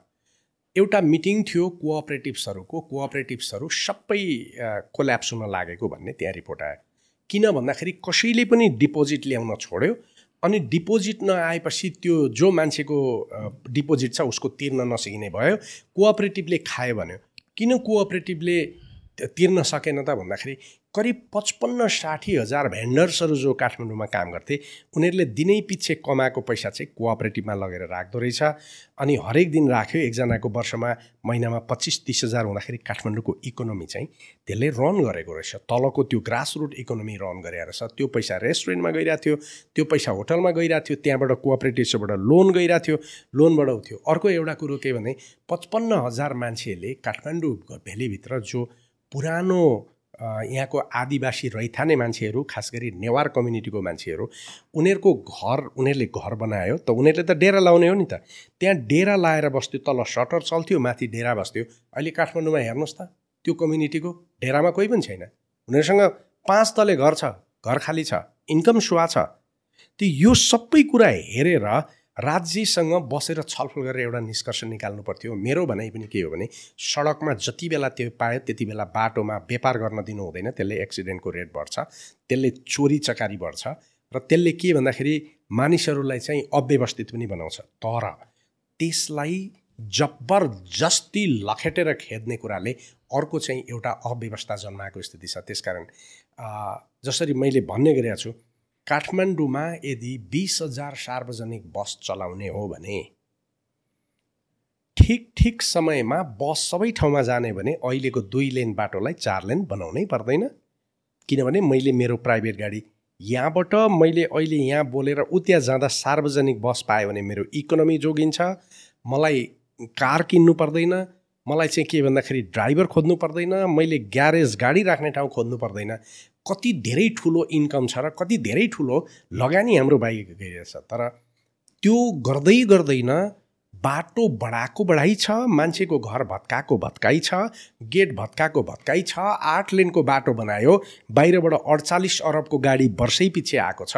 अब त कस्तो स्थिति भइसक्यो भने घरका चारजनासँग चारवटा भेहिकल भएन भने काम हुँदैन भनेपछि सार्वजनिक बस हाल्ने र त्यसलाई फेज वाइज गर्ने हामीले चाहिँ के भन्दाखेरि यहाँ भएको कारहरूको पैसा तिर्दिने मान्छेलाई त्यसपछि कारहरूलाई रि डेन्टिङ यो रिकन्डिसन गरेर अन्त बेच्न सकिन्छ वा सरकारले अन्यत्र लगेर प्रयोग गर्न सक्छ त्यस कारण मुख्य कुरो के हो भन्दाखेरि यो समस्या हुनु हो होइन के गर्नुपर्छ भन्दाखेरि पनि पोलिसीमा डाइलग गर्न गर्ने सोच पोलिसीबाट समस्यालाई एड्रेस गर्ने सोच त अहिले उहाँहरू चर्चित मान्छेहरूसँग पनि देखिएन। पपुलर स्टन्ट भन्ने र अहिले त के भनिन्छ भन्दाखेरि बनाएर पपुलर हुने भन्दा पनि तोडेर पपुलर त्यो तोडेको कुरो पनि ठिक छ है फेरि केही हदसम्म चाहिँ। तोडेर पपुलर हुने कुरा पो आइरहेछ त। त्यस कारण पोलिसीको ल्याकिङ हो यो। पोलिसीबाट संसारको समस्या समाधान गर्न सकिन्छ विचारबाट समस्या समाधान गर्न सकिन्छ एक्सनबाट मात्रै हुँदैन। मलाई त्यस्तो लाग्छ। यो लोकल गभर्मेन्ट र सेन्ट्रल गभर्मेन्टको बिचमा टसल हो जस्तो लाग्छ मलाई त। किनभने चाहिँ सेन्ट्रलाइज हामीहरूको डेभलपमेन्ट त भइहाल्यो। फर डेकेड्स यसरी भएको छ अल अफ सडन चेन्ज हुँदैन। अनि लोकल गभर्मेन्टमा पनि के आयो भनेपछि रेस्पोन्सिबिलिटी एउटै ठाउँमा आएर थुपारियो। सो रे लोकल गभर्मेन्टले के गर्छ भनेर भनेपछि फ्युचरमा अझ नबढोस् भनेर उनीहरूले चाहिँ बिचमा कोलाट्रल ड्यामेज जो मान्छेहरू पऱ्यो उहाँहरूलाई प्रेसर दिन्छ। सेन्ट्रल गभर्मेन्टमा प्रेसर जाने भएन। होइन खासमा हुनुपर्ने त सबैको सबै सिटिजहरू इक्वल लेभलमा डेभलप भयो भनेर भन्छ त आउनु त कोही पनि आउँदैन होला। होइन आफ्नो हिसाबले आफ्नो आफ्नो ठाउँमा काम गर्छ तर अपर्च्युनिटी नपाएर आउनु पऱ्यो सो यो यो प्रब्लममा चाहिँ मैले बिचमा यो स्ट्रिट भेन्डर्सहरू बिचमा कोलाट्रल ड्यामेज भएको मात्रै हिसाबले हेर्छु कि। एक्ज्याक्टली तपाईँको के भन्दाखेरि दुवै पक्ष तपाईँको नगरपालिकाको इन्कम र नगरपालिकाको इकोनोमिक्स डिस्ट्रोय भइरहेछ एकातिर। दोस्रो तर तिनीहरूको मनोवैज्ञानिक डिस्क्रन्टल बनाइरहेछ। हामी गरिबलाई खेद्छ भन्ने एउटा एउटा एउटा एक्सट्रिमिजम त्यहाँ डेभलप भइरहेछ। अब जस्तो उदाहरणको लागि हिजो हिजो पहिला समय त उनीहरूलाई सहज रूपबाट दियो नि। सहज रूपबाट आउन दियो उनीहरूको आकर्षण भयो। तर एउटा ठुलो ठुलो इन्जस्टिस कहाँ भइराखेको छ भने म ठाउँ ठाउँमा देख्छु। कञ्चनपुरदेखि काँकर भिटासम्मको हेर्दाखेरि त्यो नगर पुलिसले मान्छेलाई बाटैमा पिटिराखेको देख्छु एउटा। उसलाई कुनै ट्रेनिङ छैन केही छैन बाटोमा ड्याम ड्याम मान्छे कुटिरहेछ महिलाहरूको पाखरा तानिरहेछ एउटा कुरा। अहिले नेपालको ह्युमन राइट स्ट्यान्डर्ड गिर्नुमा यो कुरो छ तर संसारले त्यो नगर पुलिसलाई पनि पुलिसै भनेर चिन्दो रहेछ र नेपालको पुलिस टर्चर सुन्दैछ भनेर पो रिपोर्ट आउनु थालेको छ एक। दोस्रो कुरो संविधानले स्रोतलाई ग्यारेन्टेड गर्छ। जस्तो भनौँ न मेरो जमिन सरकारले लान पाउँछ तर क्षतिपूर्ति तिरेर मात्रै लान पाउँछ त्यत्तिकै लान पाउँदैन। मेरो ठेला गाडी मेरो कमाउने साधन हो उत्पादनको साधन हो। मैले त्यो बाटोमा लिएर आएँ भने त्यो लिएर आए बापत मलाई जरिमाना गर्न पाइन्छ तर मेरो ठेलागाडा लान पाइँदैन। तर यहाँ त ठेलागाडा लगिदिने एउटा कुरा। दोस्रो कुरो यो जुन सामान आएको छ त्यो सामानमा बाटोमा किन फ्याँक्ने? भनौँ न दुई दुई कार्टुन आँप बाटोमा फ्याँक्ने हो कि त्यो आँप लगेर लिलाम गर्ने हो र त्यो मान्छेलाई कम्तीमा त्यो लिलाम गर्दाखेरि उसको पर परेको जति हो नि त्यो परेको त्यो दाम त उसलाई दिनु पऱ्यो नि त। गरिबको दुई कार्टुन आँप फ्याँक्नु भनेको उसले अन्तबाट किनेर लिएर आएको हो। ऊ डेफिसिटमा अब उसले भोलि र पर्सि किन्दा बेच्दा पनि उसले हिजोको तिर्न सक्दैन। त्यो त धेरै ठुलो नोक्सान हुने त्यसैले शासन व्यवस्था मानवीय भएन भने रुल अफ ल हुन सक्दैन।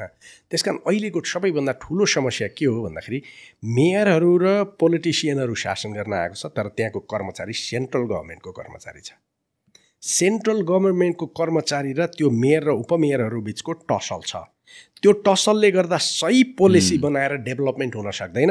अनि त्यसकारण के गर्छ भन्दाखेरि पोलिटिसियनहरूले स्टन्ट हुने देखिने खालको कुरा गरेर त्यो आफ्नो नगर प्र प्रहरी लगाएर आफूलाई देखाइरहेछ। तर तल तपाईँको नगरपालिकाभित्र जुन जनताले पाउने सर्भिस छ नि त्यो सर्भिस चाहिँ फेरि त्यही कर्मचारीले गभर्मेन्टले पठाएको कर्मचारीको कन्ट्रोलमा छ त्यो कार्यकारीको कन्ट्रोलमा छ त्यसले त त्यहाँभित्र त ब्युरोक्रेसी त्यही चलाइराखेको छ। त्यसकारण यहाँ पनि मेजर समस्या के हो भने जसरी देशको मन्त्री र प्रधानमन्त्रीहरूले देशको विज्ञहरूलाई राखेर त्यो प्रशासन गर्न सक्ने मान्छेहरूलाई राखेर त्यसलाई प्लानिङ गरेर डेभलप गर्न सकेन एक्ज्याक्टली तल मेयरहरूले गर्ने गल्ती पनि त्यही प्रधानमन्त्रीले गर्ने गल्ती हो। माथि प्रधानमन्त्री तल मेयर भन्ने खालको फिलिङ छ। त्यसकारण म एउटा कुरा चाहिँ उहाँहरूलाई सम्झाउँ। म केशव स्थापित मेयर हुँदा पहिलोचोटि काठमाडौँ नगरपालिकाको प्रमुख कानुनी सल्लाहकार थिएँ। मेयर त्यति बेला केशव स्थापितले गरेको एउटा राम्रो कुरो के थियो भने उसले प्लानिङ कमिसन बनाएको थियो। प्लानिङ कमिसनमा तपाईँको हाम्रो सत्यमोहनजीको छोरा हुनुहुन्थ्यो एकजना। जो इन्जिनियर जोशी उहाँ हुनुहुन्थ्यो। अनिल चित्रकार थियो। म थिएँ। हाम्रो रोशन श्रेष्ठ थियो। अर्को एकजना यो नारायण के अरे गोपालञ्जनको श्रीमती नाम विषयले उहाँ। हरेक कुरा त्यो प्लानिङ कमिसनमा छलफल भएर त्यो प्लानिङ कमिसनले रिसर्च गरेर के गर्ने या के नगर्ने भन्ने कुरो कन्फर्म गरिसकेपछि नगरपालिकाको बोर्डमा जान्थ्यो। अनि बोर्डले त्यसलाई एप्रुभ गरेपछि प्रोजेक्टको रूपमा जाँदाखेरि दुई वर्ष तिन वर्षसम्म एकदम सही ढङ्गबाट काम भयो त्यति बेला। तर पछिल्लो समयमा जब केशव स्थापितको पार्टी फुट्यो पार्टी फुटेर एमाले र माले भयो अनि त्यसपछि सबै विकृतिहरू त्यहाँनिरबाट आयो। केही समय पछाडि मैले पनि राजीनामा दिएर गएँ। त्यहाँभित्र काम गर्न नसकिने खालको स्थिति आयो।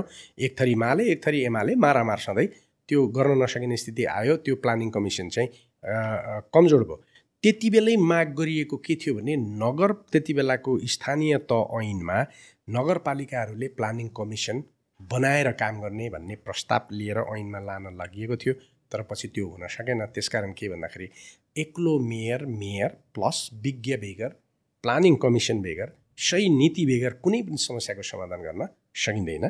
त्यसकारण उहाँहरूले सोच्ने कुरो के हो भने संसारका अरू क्यापिटल सिटीहरू कसरी व्यवस्थित गरिएको छ नाइट मार्केट हुन्छ त्यसपछि तपाईँको एउटा सर्ट एन्ड टाइम बिहान चाहिँ जस्तो सर्ट एन्ड टाइम केही बेच्न हुन्छ जस्तो बिहान बेजिङमा गयो भने पनि बिहान ब्रेकफास्ट बेच्न सबै बाटोमा मान्छे भेटिन्छ क्या। त्यो ब्रेकफास्ट बेच्नको लागि एक घन्टा जो पनि आउँछ।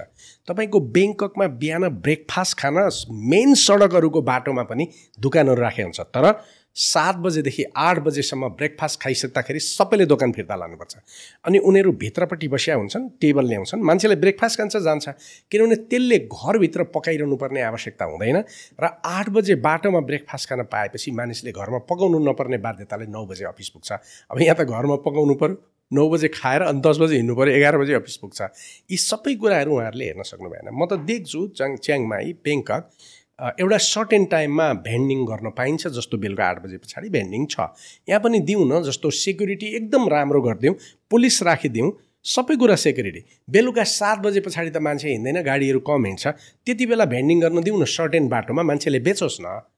बेचोस् कमाओस् उसले बेचेर कमाउनु नागरिक धनी हुनु भन्ने कुरो। एउटा यसलाई यसरी सिद्ध्याउँ त्रिपुरामा एउटा कम्युनिस्ट मुख्यमन्त्री आयो एकदमै विद्वान खालको ethical prime minister chief minister थियो।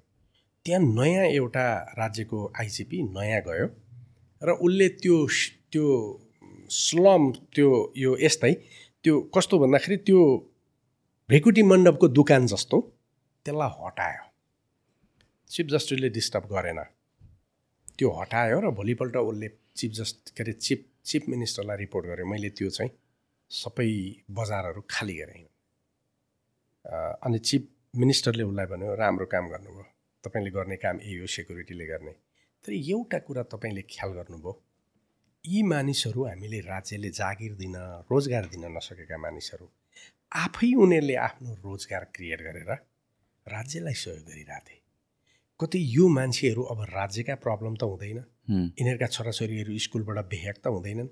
यी मान्छेहरू मानव हामीलाई राज्यले अपमान गर्यो भन्ने त ठान्दैनन्।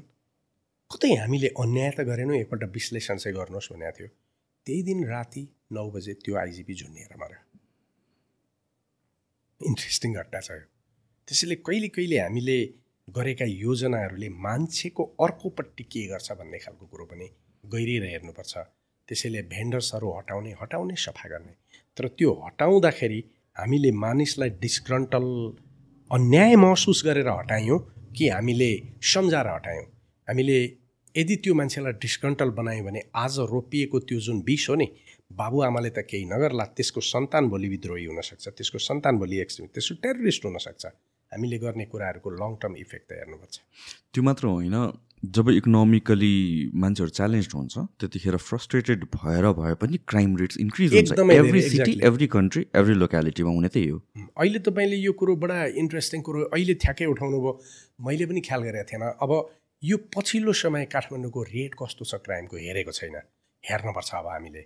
यो जस्तो भनौँ न यो भन्दा अगाडि कस्तो कति थियो र पछिल्लो समय कस्तो क्राइमहरू बढिरहेछ भन्ने खालको कुरो चाहिँ हेर्नुपर्ने आवश्यकता छ र काठमाडौँको यो क्राइम रेट र अलिकति स्टडी गऱ्यो भने यसको इम्प्याक्ट के परेको छ भन्ने देख्न सकिन्छ।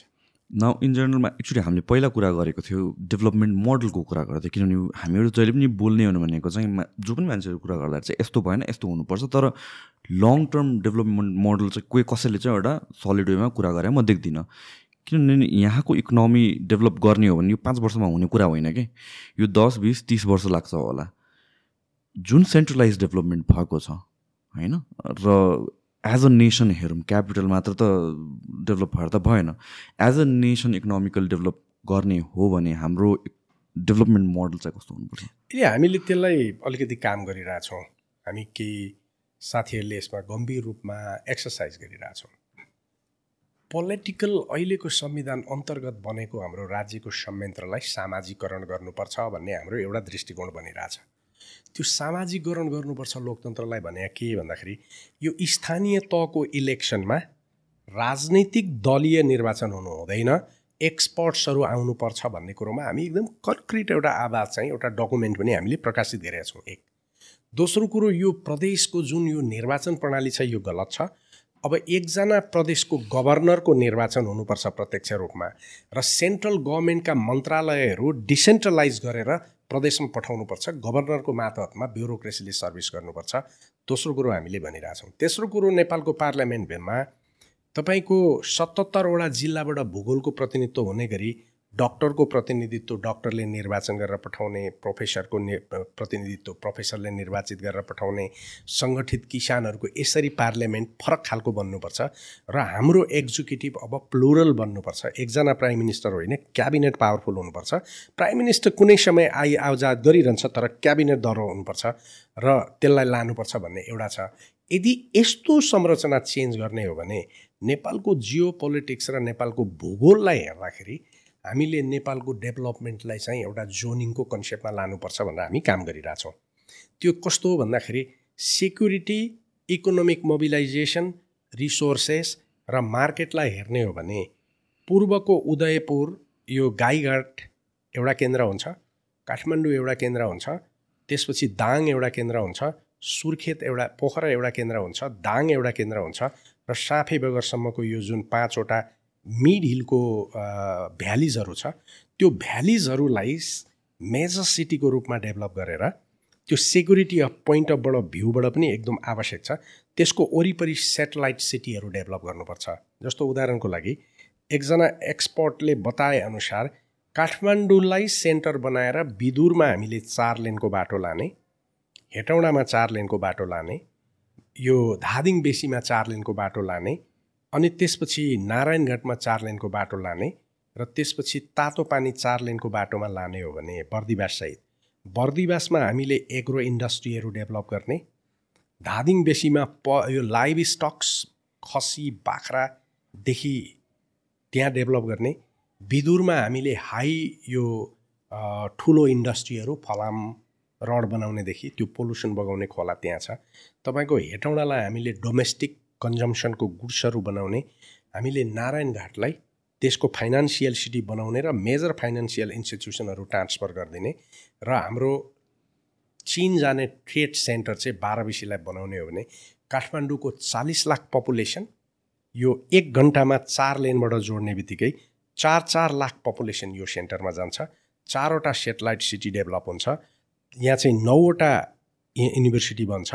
तपाईँको हस्पिटलहरू त्यहाँ बन्ने बित्तिकै काठमाडौँको पपुलेसन बाहिर जाने बित्तिकै यो तपाईँको खरबौँ खरब कमिसन खानको लागि उहाँबाट ल्याउनु पर्ने मेलम्चीको पानी आवश्यकै छैन। तपाईँको बागमती सफा बग्न थाल्छ ढल खस्न बन्द गर्छ। त्यसपछि तपाईँ काठमाडौँ सफा हुन्छ।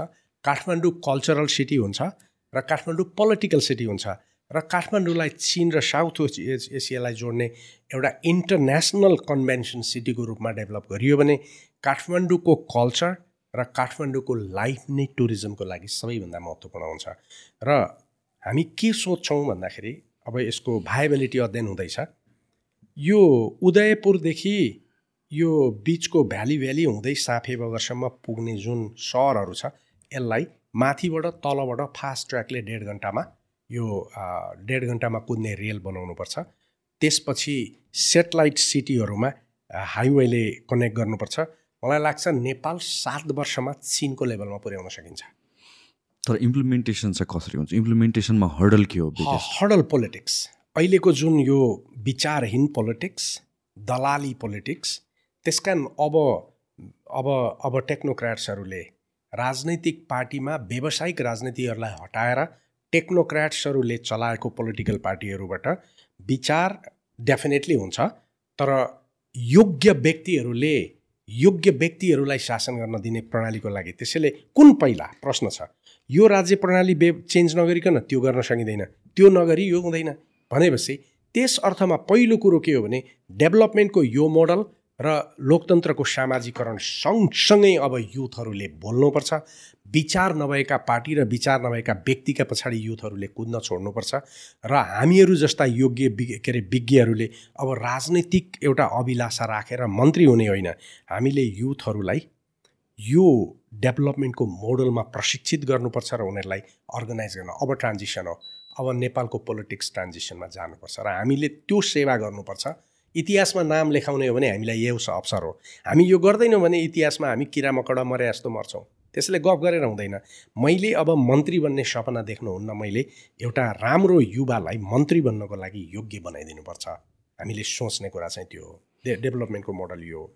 यो मोडलको बारेमा धेरै लामो छल छलफल हुँदैछ। अहिले हामीले यसलाई राम्ररी बाहिर ल्याएको छैन।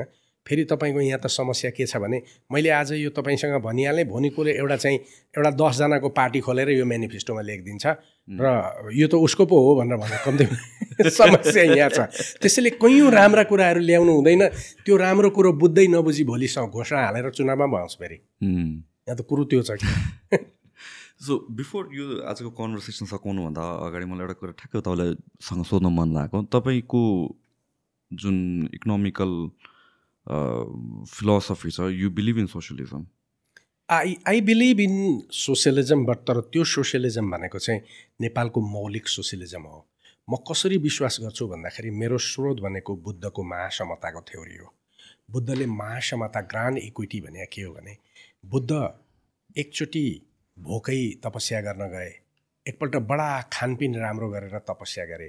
प्लिजरले पनि मान्छेको बुद्धि बनाउँदो रहेन रहेछ पेनले पनि बनाउनु बनाउँदो रहेन रहेछ त्यसपछि बुद्धले रियल अब्जर्भेसन गरे र उनले के भने भन्दाखेरि हरेक सफरिङको कज छ?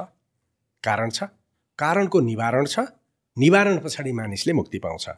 यही कुरालाई बुद्धले महासमता भने महासमता भने के भने नाइदर लेफ्ट न राइट न यो छोर न त्यो छोर बिचको बाटो हिँड। हामीले समाजवाद भने त्यही हो।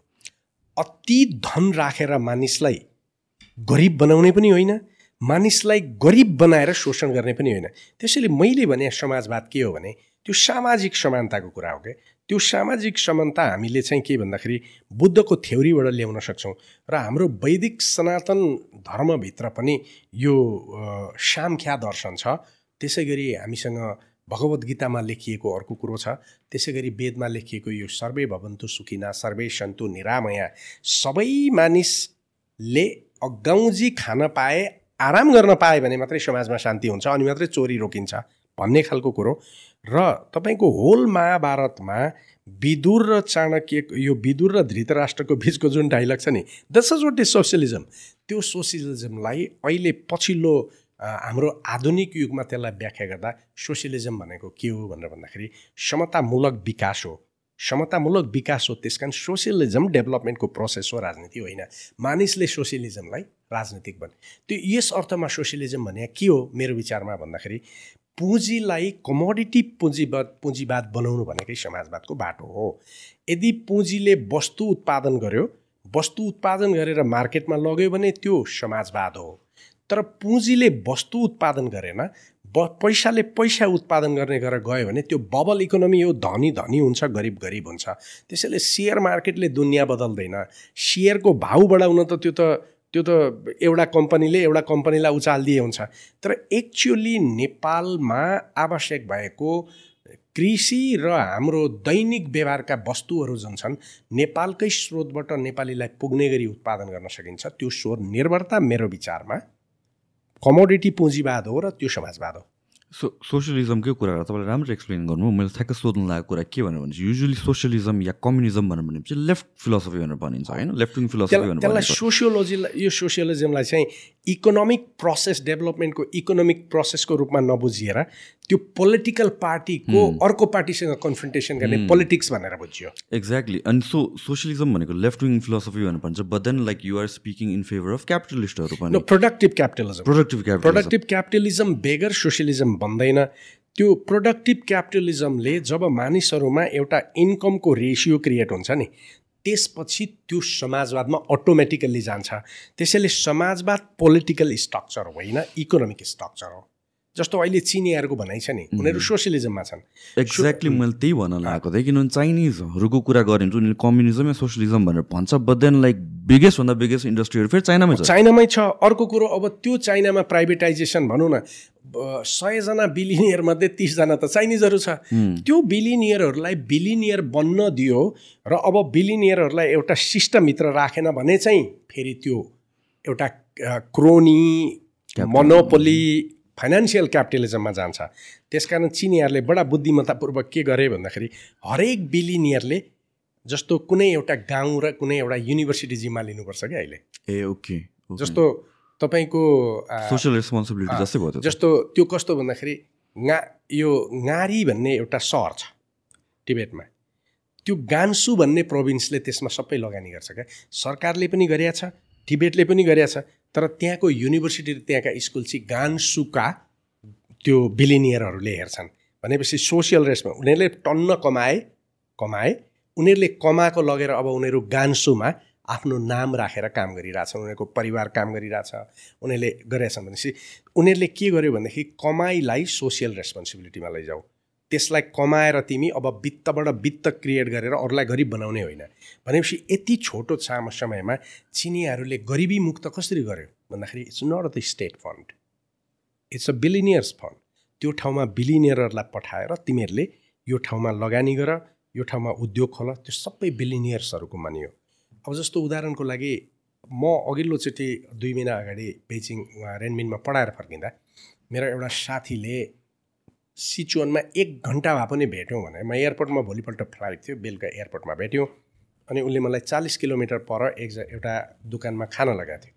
त्यो दोकान कस्तो थियो भन्दाखेरि करिब पाँच हजार रोपनीमा बनेको फार्म त्यहाँ पार्टी प्यालेस बिहे गर्ने ठाउँ पनि छ त्यहाँ माछा पालन पनि छ कुखुरा पालन पनि छ धान खेती पनि छ चेरी पनि छ फुल पनि छ सबै थोक इभन पार्टी प्यालेस र बस्ने ठाउँ पनि छ। अनि मैले भने यो कति भयो चलेको? पाँच वर्ष भयो। कति इन्कम छ भन्दा एक सय रा last year one hundred and twenty million ramie RMB पाँच वर्षमा भने मैले। कसरी त भन्दाखेरि सरकारले लगानी गरिरहेछ भन्दा सरकारले लगानी गरिरहेको छैन। तर सरकारले मेरोभन्दा ठुलो लगानी गरिरहेछ। किन भन्दाखेरि पाँच किलोमिटर परबाट इरिगेसन बनाएर पानी सरकारले ल्याइदियो। तिन किलोमिटर परबाट थ्री लेनको बाटो ल्याइदियो। बत्ती पनि ल्याइदियो र यो सबै जुन बाहिरको फेन्सिङदेखि लिएर सबै सरकारले गर्यो बाँकी मैले गरेँ। So this is how poverty is elevated दिए तर त्यो पैसा चाहिँ सरकारले भने पनि के? भन्दाखेरि त्यहाँको कुनै एउटा बिलिनियर त्यहाँको फाइनेन्स मिनिस्ट्रीमा जान्छ उसले यो प्रोजेक्टमा म सहयोग गर्छु भन्छ अनि त्यो प्रोजेक्टमा चाहिँ फरेन मिनि के अरे त्यहाँको फाइनेन्स मिनिस्टर आउँछ। उसले क्रेडिट गर्छ तिमीलाई यो बिलिनियरले यो यो उद्योगले सहयोग गरिरहेछ उसलाई क्रेडिट गर्छ तर यो बिलिनियर डाइरेक्टली उसकोमा जान पाउँदैन। दिस वाज भेरी इन्ट्रेस्टिङ अब यहाँ हाम्रोमा भनौँ न यो तरिकाले मानिसलाई पुँजीपति बन्न दिने हो भने किन मान्छेले कर लुगाउँछ? यहाँ त तपाईँको धनी भयो भने त धनी भयो भन्ने बित्तिकै यो धनी हो फटा। यसलाई मार्नुपर्छ यसलाई लुट्नुपर्छ यसलाई धनी हुन्छु त भन्नै हुँदैन। त्यसैले म धनी भयो भने यो त धनी हो भन्दा कहाँ धनीमा भन्नुपर्छ। धनी भएको कुरोमा उनीहरू गौरव गर्छ। सो चिनमा अब Jack Ma I'm billionaires I'm proud of it भन्छ। यहाँ हाम्रोमा कोही मान्छे बिलिनियर भयो भने होइन होइन होइन त्यो बेकारमा हल्ला चलाइदियो भन्छ किनभने धनी हुने मान्छेलाई कर्स गर्ने समाज हो नि हाम्रो। त्यसैले पुँजी समस्या होइन समाजवादको। पुँजीको म्यानेजमेन्ट चाहिँ तपाईँको वेस्टर्न क्यापिटलिजमको समस्या हो।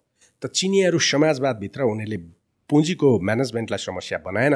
रसियामा बनाए रसिया कोल्याप्स पायो। हो ट्रु त्यही हो। त्यसैले चिनियाहरू प्राग्मेटिक भएको हुनाले उनीहरूले समाजवादमा पुँजी निर्माणको प्रक्रियालाई बुझ्न सके र स्टेटले पनि उद्योग चलाएको छ व्यक्तिले पनि चलाएको छ दे इज ए कोअपरेसन हामीले यो मोडल नै अब ग्रहण गर्ने हो भन्ने कुरो चाहिँ निश्चित देखिन्छ। And clear differentiation between political ideology versus economic ideology exactly धेरै मान्छेले पार्टीका नाम समाजवादी राखे त्यही कारणले। कुनै पनि पार्टीले समाजवादी नाम राख्नु भने त्यो याद हो क्या तपाईँले जस्तो भन्नुहोस् न गोरु पार्टी राखे पनि हुन्छ क्या? तर तपाईँ इकोनोमी चाहिँ यो प्रयोग गर्नुहोस् न जस्तो नर्थ कोरियाका पार्टीको नाम त कम्युनिस्ट पार्टी छैन त? मजदुर किसान पार्टी भन्छ। तपाईँको क्युबाको पार्टीको नाम त कम्युनिस्ट छैन त? यो चाहिँ आडम्बर गर्ने र राजनीतिलाई व्यवसाय बनाएर लुट्नेहरूको योजना हो क्या? त्यसैले जनताले बनाएका पार्टीको नाम कम्युनिस्ट हुनुपर्छ भन्ने छैन। जनताको समानता चाहिँ मेजर कुरा हो।